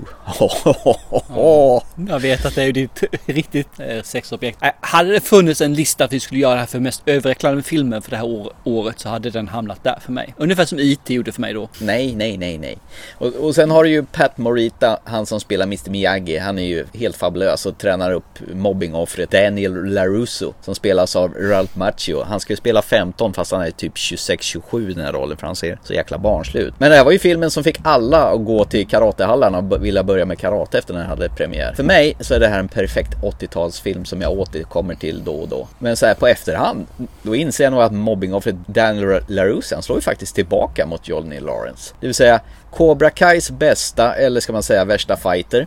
Helt sårbar är ju inte Daniel, för han, han hämnas ju lite grann när de är taskiga mot honom. Och Daniel snor ju trots allt Ellie, alltså Elizabeth Chews karaktär, från Johnny. För hon var ihop med honom först. Och så spöar han ju Johnny på slutet. Och så får dessutom Johnny, han blir jättesågad av sin tränare som ger en spö. Så det är egentligen synd, mest synd om Johnny Lawrence. Daniel Rus- LaRusso, han tar ju hem allting. Och vill man fördjupa sig i den här serien så kan man ju med fördel se på Cobra Kai som finns på Netflix som nu är inne snart på sin femte säsong. Faktiskt en väldigt lyckad serie om karaktärerna från Karate Kid-filmerna när de har blivit vuxna. Där visar de att allt inte är svart eller vitt. Karate Kid från 84, behöver jag säga mer? Helst inte. Nej, nej, nej, okej. Fuck vissen. Nej, jag måste säga att jag, jag gick in och tittade på den så gjorde när det var aktuell om vi säger så. Och jag, jag kände bara att det här var ju töntigt. Men Nej. vad fan är det för jävla babyface med det där? Och sen så paint on, paint off, wax on, wax off. Ja, det var lite småkul faktiskt. Jag måste erkänna. Det var småkul. Miyagi var rätt kul. Det var heter för någonting. Heter han Miyagi? Mr Miyagi ja. Ja, han hette det. Han var ju Ja. småkul så han var liksom absolut. Da, da, da, da, da. Paint up, Bengtan. Den här tönt huvudrollsinnehavaren som jag inte kommer ihåg vad han heter för någonting längre. Jag menar, det, det var bara...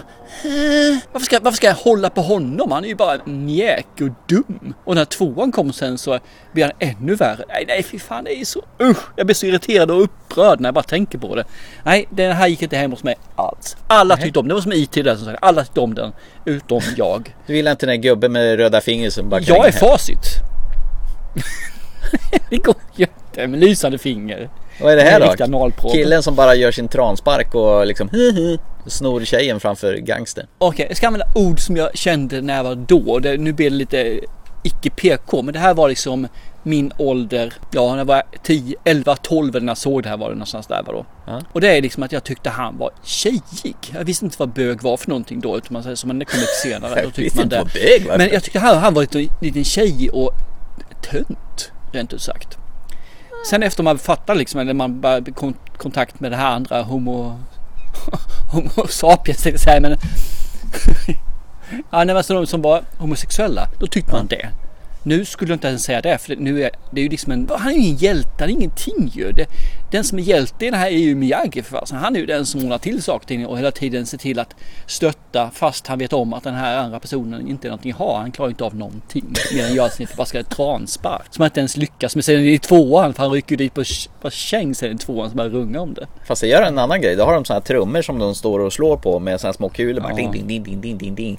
Och då åker de ju till Okinawa också där Mr Miyagi är ifrån. Och då, ja den är Ja. jättebra den också. ja, nice. Finns det en Nice. trea också eller? Jajamän, det gör det. Finns till och med en fjärde del, men då är det Mästarens nya elev. Då är det en tjej som man ska träna upp. Just det, den kommer jag ihåg ja. Precis. Jaha, ja. Och så finns ju en nyinspelning också med Will Smith. Jaden Smith. ja, det är Will Smiths son. Vad heter han? Jaden Smith. Och sen är Jackie Chan som är läromästaren där. Den däremot är skitdålig också. Den är extremt dålig. Den, den eh, borde ju liksom, och det är Will Smith som har producerat det som stoppar sin son i huvudrollen. Det är klart han gjorde det. Han har ju försökt ju två gånger. Han gjorde den här After, för heter den för någonting också ju? Uh, Afterburner, uh, Earth. Afterburner, precis. Ja, just det. Ja. Ja, jag tycker vi kan glömma den. Jag eh, förstår ditt val. Jag håller inte med ditt val och tycker att du Nej jag märker det, du verkligen bajsar på mina val här. Så att, vad har du på nummer Ja. två då som är så jävla bra då? Eh, Min nummer två är ju faktiskt en film som finns två av och ska faktiskt komma en tredje film också av. Vilket jag ser Jaha. fram emot kopiöst mycket. Okej, vad är det då?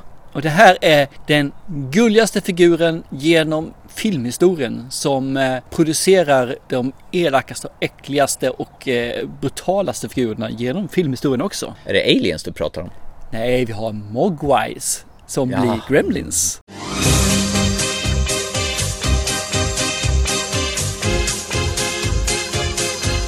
Den här filmen såg jag och kände bara det här var ju skitkul. Det var det här jag började att fatta tycke för det här med eh, underhållningsvåld. ja, det får du ju massor av i den här. När man får Gremlins som fastnar i en mikro eller en eh, mixer och bara sprängs till bitar eller mixas ihop till en grön smet.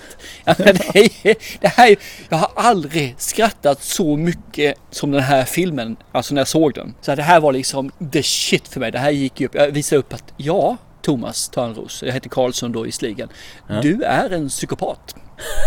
Det är bara så. Jag var stolt över det. För jag kände liksom att det här, det här är ju hur roligt som helst. Det finns ju ingenting som tar det här med att köra våldshumor. Och det, jag tycker det fortfarande, 40 år senare, 30 år senare, vad det för någonting. Så tycker jag fortfarande att våldshumor är bland det roligaste som finns. Därför hamnar den här. Det här är så fantastiskt kul. Vi har den mysiga, underbara Mogwine som får vatten på sig och producerar upp ytterligare Mogwais som äter efter midnatt. Som då får en kokongaktigt, en puppa och sen ut kommer det här coola varelserna som bara vill jävlas rent ut sagt.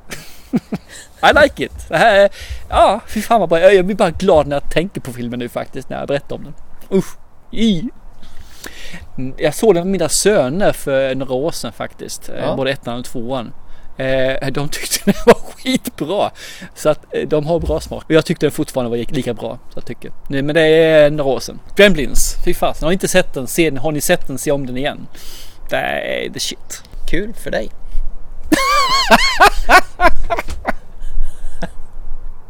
Så du menar att du tycker inte om den här filmen? Du tycker alltså inte om när det blir så här satir och mörk svart humor utan du vill ha den här glättiga Jag ska pensla upp och ner. Jag ska vaxa min lärares bil. Det är din Nej, typ av jag, film alltså. Jag bara tänker, jag ser en viss nyans här att när jag säger att en film är bra, då måste du baktala den så mycket så att jag själv börjar misstro mig själv och mina egna val om jag har valt rätt här.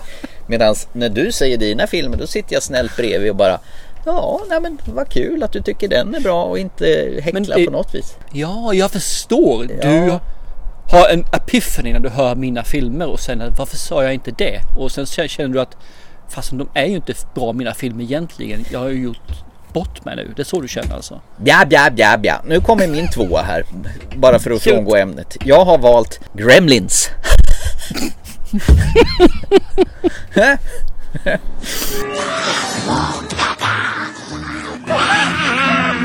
det, det här är Det är ju en skitfilm det här ju. Nej, nej, det här är ingen skitfilm. Det är Joe Dante som regisserar den och Steven Spielberg har pyntat för kalaset. Eller han presenterar filmen åtminstone. Det står i Steven Spielberg Presents. Ja, Joe Dante-film. Och så kommer den här julmusiken. Hey gang, you're rolling with rockin' Ricky Rialto, the voice of Kingston Falls, USA.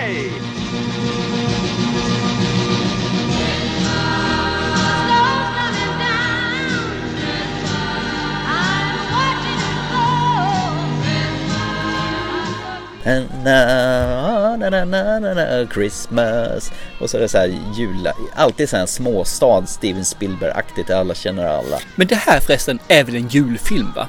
Ja, det är en julfilm. Jag säger det. Ja, tänk dig. Det är som eh, Die Hard. Det är alltså en julfilm. Det här måste vara den näst bästa julfilmen då alltså. Ja, verkligen. Och du har ju alla känner alla, den miss, Mrs Deagle, den här sura kärringen som har den här anordningen uppför. De trimmar hissen på den, just det kom jag på nu. Ja, visst, hon kör skiten med den där. Hon har en sån här hiss för att komma upp för trapporna och den speedar de upp så hon far upp och ut genom fönstret. Mrs Deagle, Deagle, Deagle, Deagle.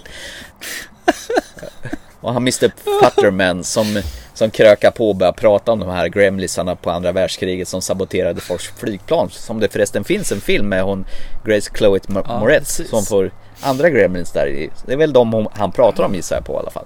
Men Fast jag måste se om den här filmen känner jag. Jag blir ju så jäkla glad när vi pratar om den. Och hans farsa då, som eh, är uppfinnare, som åker på sådana här uppfinnarmässor.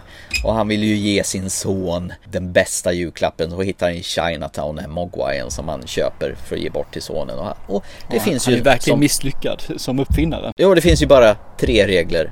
Håll den borta från solljus, vatten och absolut mata den inte efter midnatt. Lite luddigt egentligen med tanke på att midnatt, när fan är det egentligen? I USA så har ju mi- midnatt en massa jäkla tidszoner från väst till östkusten. Och hur fan vet Mogwai när det är midnatt egentligen? Va? Det har du inte tänkt på va? Det är en bra fråga sådär, jättebra fråga. Jo, men det är ju en perfekt matinéfilm med de här svincoola gremlins som blir då när de har eh, Är det när de får vatten på sig? De blir eh, Nej, Ja, då blir de fler ju. Nej, det, är när de har käkat efter midnatt, det är då de blir kokonger och sen kläcks de till Precis. de här monstren och ledaren som har så här punk eh, stripes på huvudet också. Exakt. Varför måste han vara punkare liksom helt plötsligt? Nej, men han ser ju cool ut. Gizmo kaka. Och du har ju Gremlins i takfläkt, Gremlins i mikrovågsugnar, Gremlins i matmixer, Gremlins på puben och Gremlins på bio. Och titta på Snövit och de sju dvärgarna med popcornpåsar på öronen. Vad tyckte du om tvåan när den kom sen då? Jag tyckte den inte var riktigt lika bra. Den var stökig tyckte jag. De gjorde mer av allt, mer högljutt och mer när de härjar runt på det här varuhuset. Det, det jag tycker är bra det är att de behåller huvudkaraktärerna med han Zack Gallion och Phoebe Cates. Cates heter hon då. Ja, jag tyckte tvåan var jättebra också faktiskt. Så att jag tyckte det var bra att de tog ett nyspel och de blev Ja, de muterade dem om man säger så. Så vi fick Ja. en eh, kvinnlig, vi fick en, eh, ja, fick mer en spindelaktigt och vad det var för någonting. Och det var Ja, någon jag som blev var super, superintelligent bara prata och grejer och ha glasögon på sig. Exakt. Nej, men det här var liksom nytt för mig. Det, här, det var därför den hamnade på två, andra platsen. Mm. Det, det här var nytt. Det här var någonting jag aldrig hade sett förut. Nej. Och eh, jag vart hänförd. Lite grann som när jag såg Sin City. Det var något jag inte hade sett heller förut när det kom då. Nej. Och jag kände bara att det här är min kopp med kaffe. Jag, jag kände mig, jag hade kommit hem på något vis filmmässigt. Ja. Men det är ju lite spännande. Dels är den ju svinrolig och den är ju väldigt brutalt våldsam. Så den är ju en sån här gränsfallfilm som man inte kanske ska visa från mest yngsta barnen. Utan den, man får gå lite balansgång där. Och sen mitt i alltihopa, bland det roliga, det här kaotiska, så knökar de in lite allvar i det hela. Det hon, Phoebe Cates rollfigur, berättar att hennes pappa som kröp ner i skorstenen och fastnade och, och dog där. Menar du att det var allvar? Ja men det var en jättesorglig scen och hon berättar hur hennes pappa dog. Jag skrattade ju fan byxorna av mig den Fan scenen. alltså vilken rå otäck människa du är. ah, ja, whatever. Eh, jag tyckte det var sorgligt då i alla fall. Det, det skapar ju ett ögonblick av en sån här lite dramatik där. Och för att liksom, det var väl den här pausen som man behövde ha innan man gick vidare till nästa sån här splattriga scen. Så.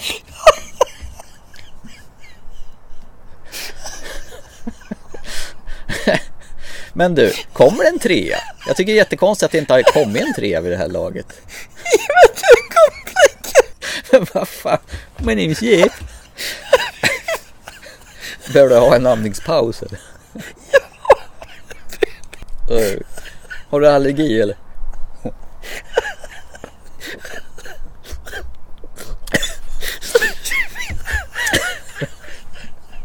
Ja.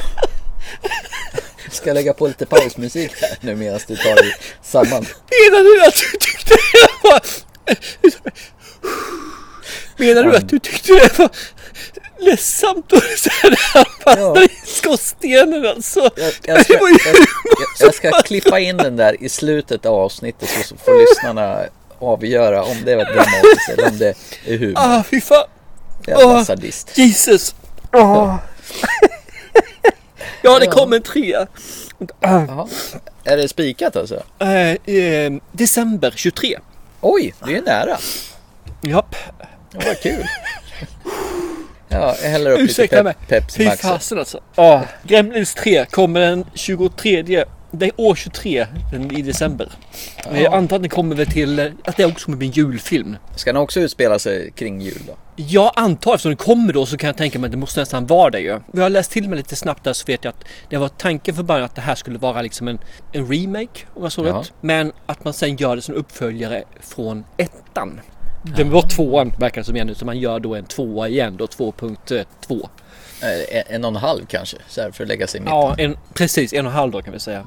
Så, eh, men vad den handlar om och hur storylinen ser ut och sådana saker, det har jag faktiskt inte en enda aning om i dagsläget. Det kan inte de heller veta tänker efter. Nej, bara att de ska ha med söta små gizmos, eh, mogwai som ska bli fula Som sen gremlins. blir gremlins. Och smälter i solen. De måste vara vampyrer då med andra ord. Ja precis, det är de ju. Ja. De har ju vassa tänder i och för sig. Ja, ja. Ska vi gå till ettan nu? Så. Ja. Min etta är en film jag såg, eller så att jag säger, det här är jag så affischen på den här. Ja. Hemma i Ljungby. I Ljungby. Jag såg affischen på den och jag bara kände wow, den där vill jag se. Den där affischen satt uppe länge men den kom aldrig. Och när den väl, den försvann affischen. Och helt plötsligt kom den inte. Så jag såg den här x antal år senare. Tyckte den här var hur jävla rolig som helst. Jag vet faktiskt inte när jag såg den här. Ska jag erkänna att jag vet inte årtalet. Nu på äldre dagar, jag har sett om den många gånger. Och på äldre dagar så visade jag den för min son, äldre son. Och han skatt, skattar sig ha mynt och han drar fortfarande referenser till den här filmen. Och jag tycker att det är skitkul att även nästa generation kan tycka den här filmen är bra. Och affischen är en förbaskad ubåt som slår knut på sig själv.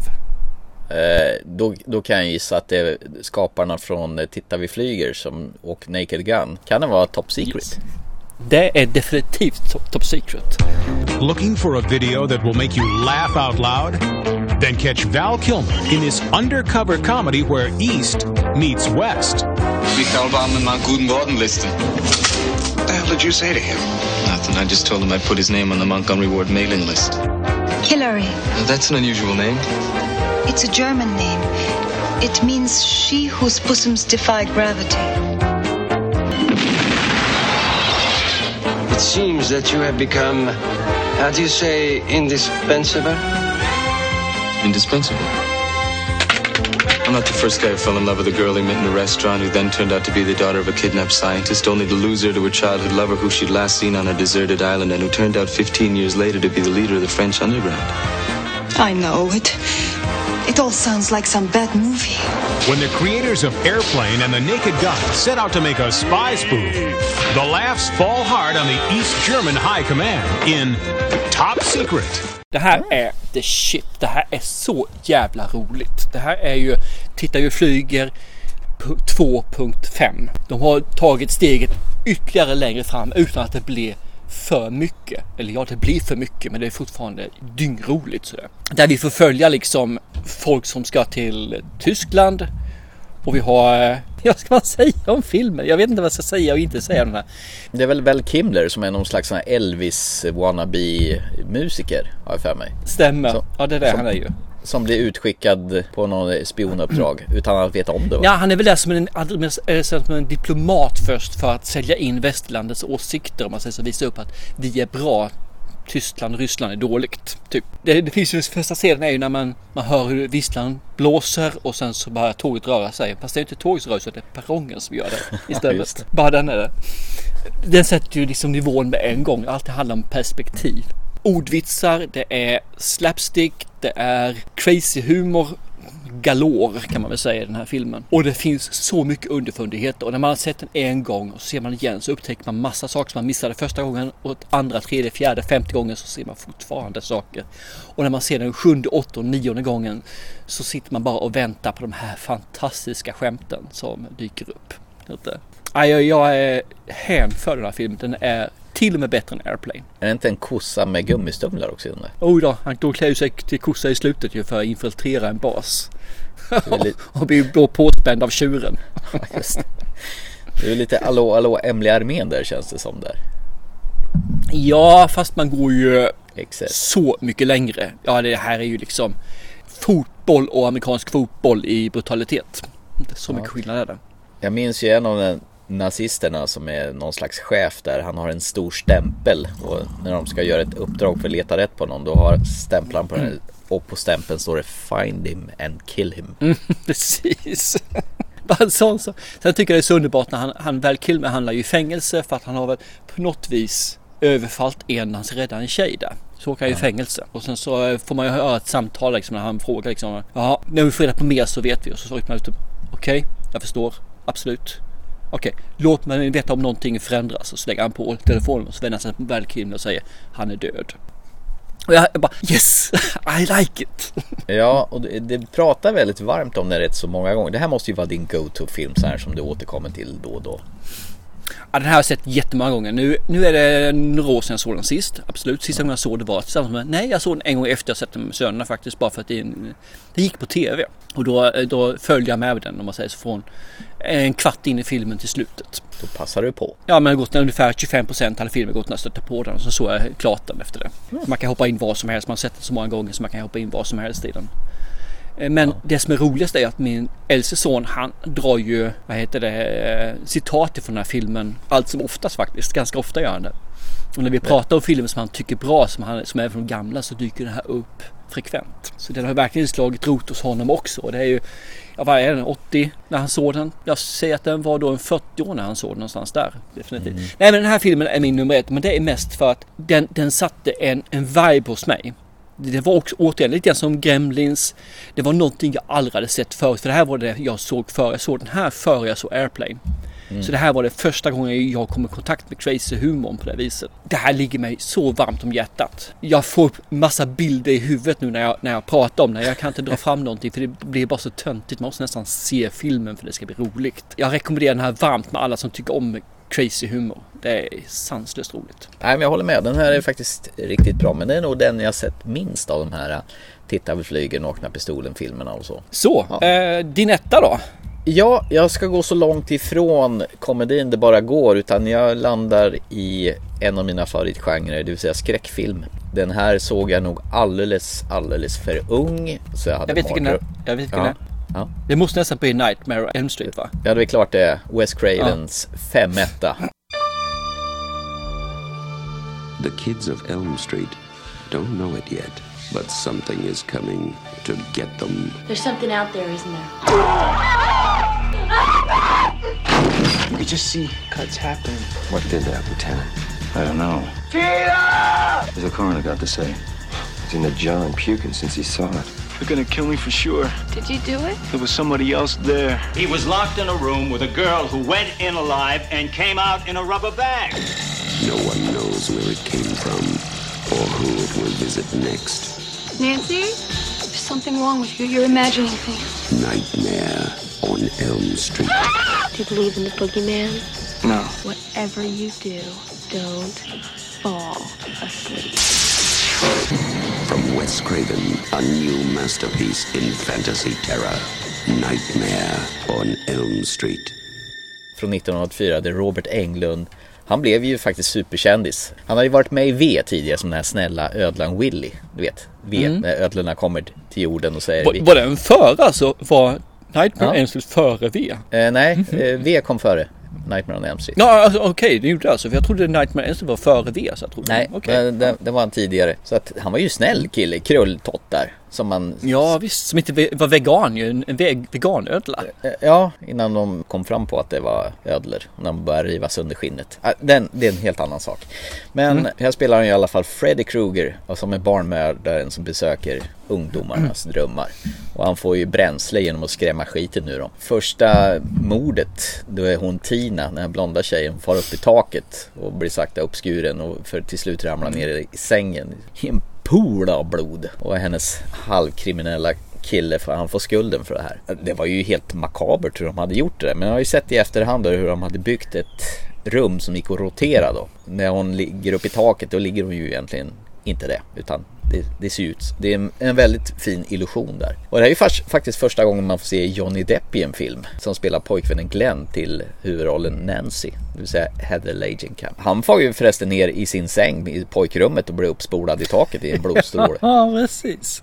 Jag tycker det finns jättemycket minnesvärda scener där. Allt från den här flåsande Freddy som slipar sin knivhandske i början. Hon Tina som far upp på väggar och taket. Och handsken som kommer upp i bubbelbadet när Nancy badar i badkaret. Ja, mellan benen där var det va? Ja, just det. Den är lite sådär får man säga den scenen egentligen. Den är lite skräckerotisk. Ja, cheesy på något sätt. Men den, är ju, den har ju fastnat på näthinnan. Och sen har du den här väggen som buktas ut när Mm. hon ligger och sover. Så det ser ut som en så här kletig marshmallow-vägg nästan. Och man ser konturerna av Freddy bakom där. Jag tittade ju på den här samtidigt som jag såg remaken med min li- lille son. För han sa det, han ville se remaken först. Han ville göra så. Fine sa du, ska få se remaken så du ska göra. Men då får du se originalet först. Okej då säger han. Så du ser originalet så såg vi remaken. Och just den här väggscenen, du vet när ansiktet trycks ut som du nämnde precis. Mm. Den tyckte han var mycket, mycket bättre i originalet. Mm. Sen tyckte han att själva storyn var bättre i den nya, nya filmen. Ja. Vilket jag eh, förfasar mig över. Men det är ju, ja det är som det är. Men eh, han tyckte mycket var bättre i den gamla filmen. Det här med armarna som, som inte finns i den nya filmen när han får de här långa armarna du vet. Ja, han går och lägger in i trång gränd där och skrämmer Ja. skiten ur Tina innan han kapar av fingret. Den tyckte han ju var jättebra och tyckte var helt fantastisk då. Mm. Sen så är, det ju eh, effektmässigt eh, sådär. Filmen är ju från 84, de gjorde det de kunde då. Men som sagt var, han, han satte den nya filmen som ett snäpp högre men han tyckte fortfarande originalet var, var riktigt bra. Jag väljer den här alla dagar i veckan. Jag har sett, Det gör jag med. jag har sett remaken en gång på bio och jag var inte speciellt imponerad. Och var rätt sur över att det inte var Robert Englund ens en gång. Utan en annan jävla tomte. Sen tycker jag det var så synd att de gjorde honom till pedofil helt plötsligt. Det kunde de ju ha låtit vara. Eh, summa summarum, den här filmen den, den skrämde faktiskt skiten ur mig när jag Mm. var alldeles för ung. Men av någon märklig anledning så blev jag intresserad av att se ännu mer skräckfilm där. Eh, Och bara det var ju ett jättebra soundtrack till den här filmen. Så här enkel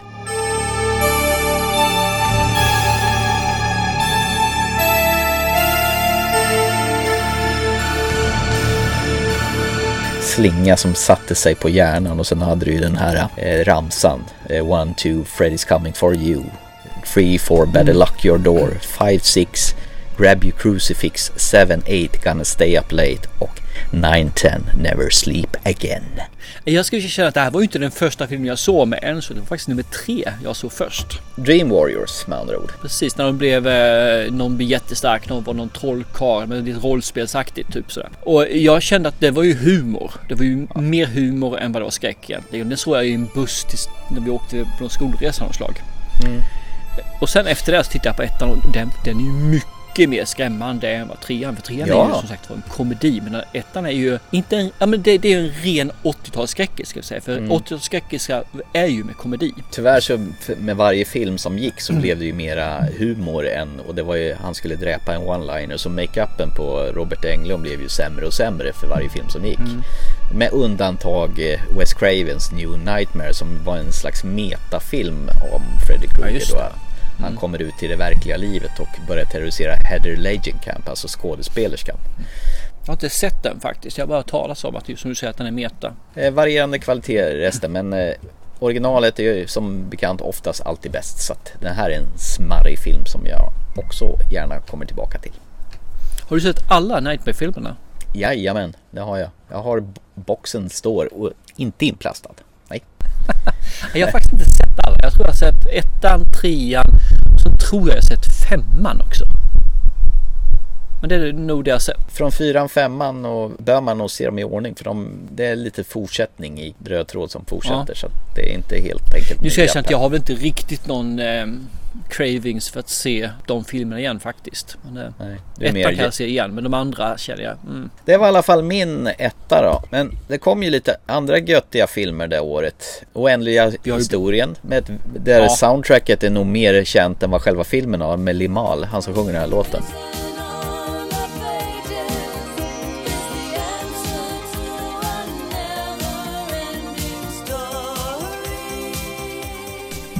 Den, den var ju riktigt eh, underbar. Lite sån här äventyrs eh, magisk historia. Jag tyckte ju verkligen om den alltså. Den var Mm. riktigt bra. Neverending Story. Ja.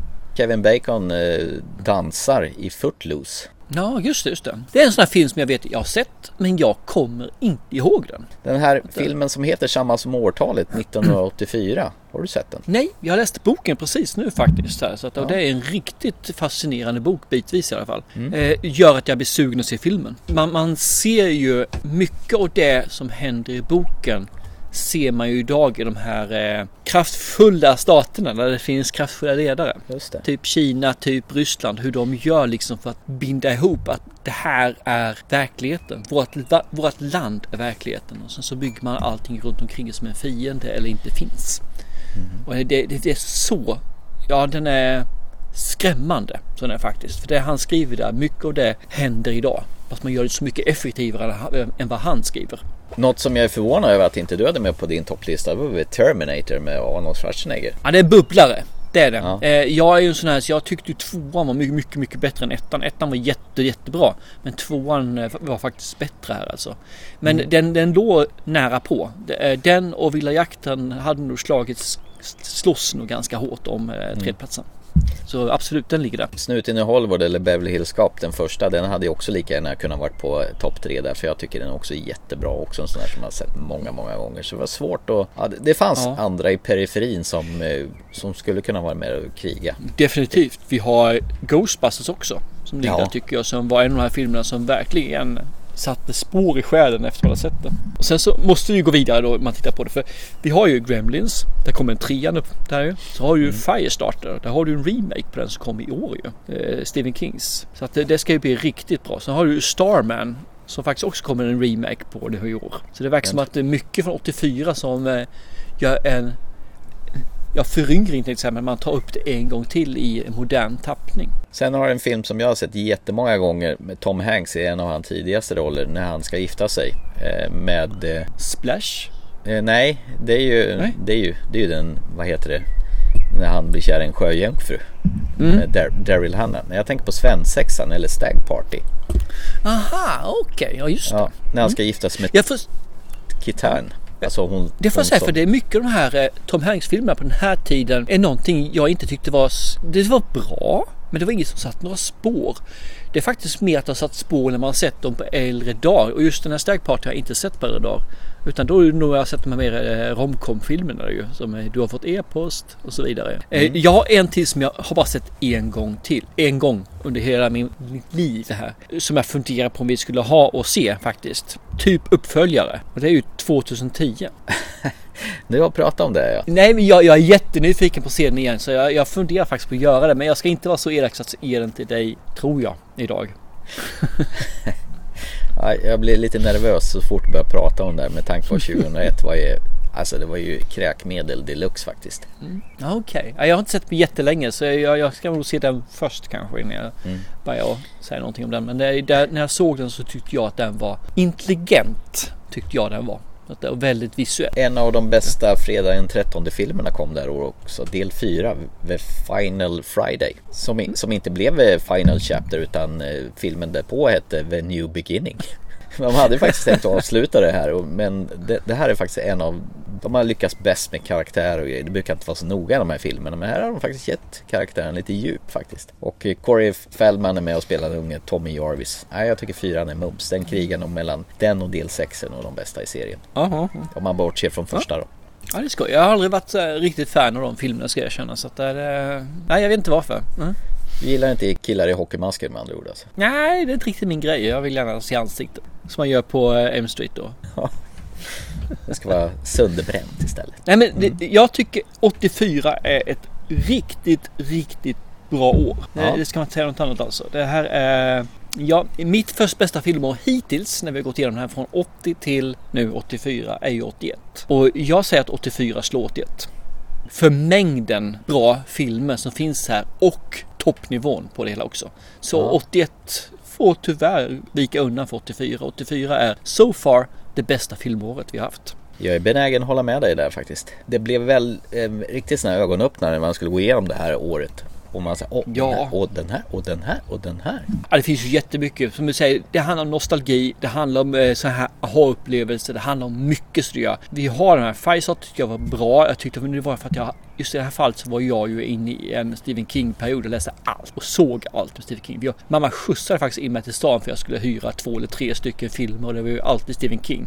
Och han som stod där i, i vid kiosken, man säger, kassan. Han älskar Stephen King också så han hade ju alltid några redo att ge till mig som jag inte hade sett. Och så har vi Ghostbusters för Gremlins och Top Secret, Neverending Story, vi har Amadeus, nej, inte direkt. Men vi har Terminator, vi har ju faktiskt Beverly Hills Cop då ju.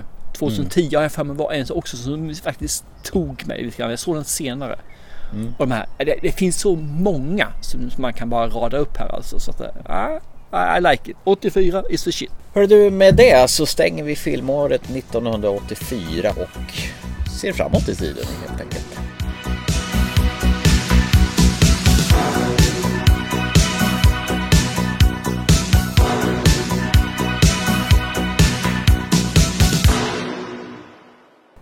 Och vad som komma skall här nu under sommaren, det, vi kör väl lite så löst och ledigt för att det är sommar. Så jag tycker inte vi bestämmer någonting just nu, vad som med inslag, vad som kommer, utan vi tar det senare. Så kan vi göra, absolut. Du vill mm. alltså inte ha din, upp, din eller vår utmaning till nästa gång då, alltså, utan vi, vi tar en parentes på det. Vi spar den lite grann, tycker jag. Kom ihåg att det är jag som väljer. Ja, jag vet att det är du som väljer. Oj, oj, oj. Jag försökte, försökte prata ur det här, men ja, ja. Mm. Nej, men låter bra. Ikväll har vi pratat om The French Dispatch. Det var ju kul att du tyckte om den jättemycket. Not. Eh. Så har vi pratat om Spiderhead med eh, din sambos frikort. Och så har vi pratat om Grandmother och till slut gick vi igenom filmerna från 1984. Det var det. Ja, precis. Och Grandmother är ju en film som vi verkligen rekommenderar att ni slår på här när den kommer på streamingtjänsten här eller släpps på hyr, hyrtjänst. Ja, då finns det bara en sak till att göra då i sommarnatten. Vi avslutar väl podden va? Det gör vi. Och mm. eh, ni andra, ni ser väl två, tre, fyra eller fem filmer så länge så hörs vi snart igen. Och till dess så chip chip, ha det gott! Hej då! My name is Jeff.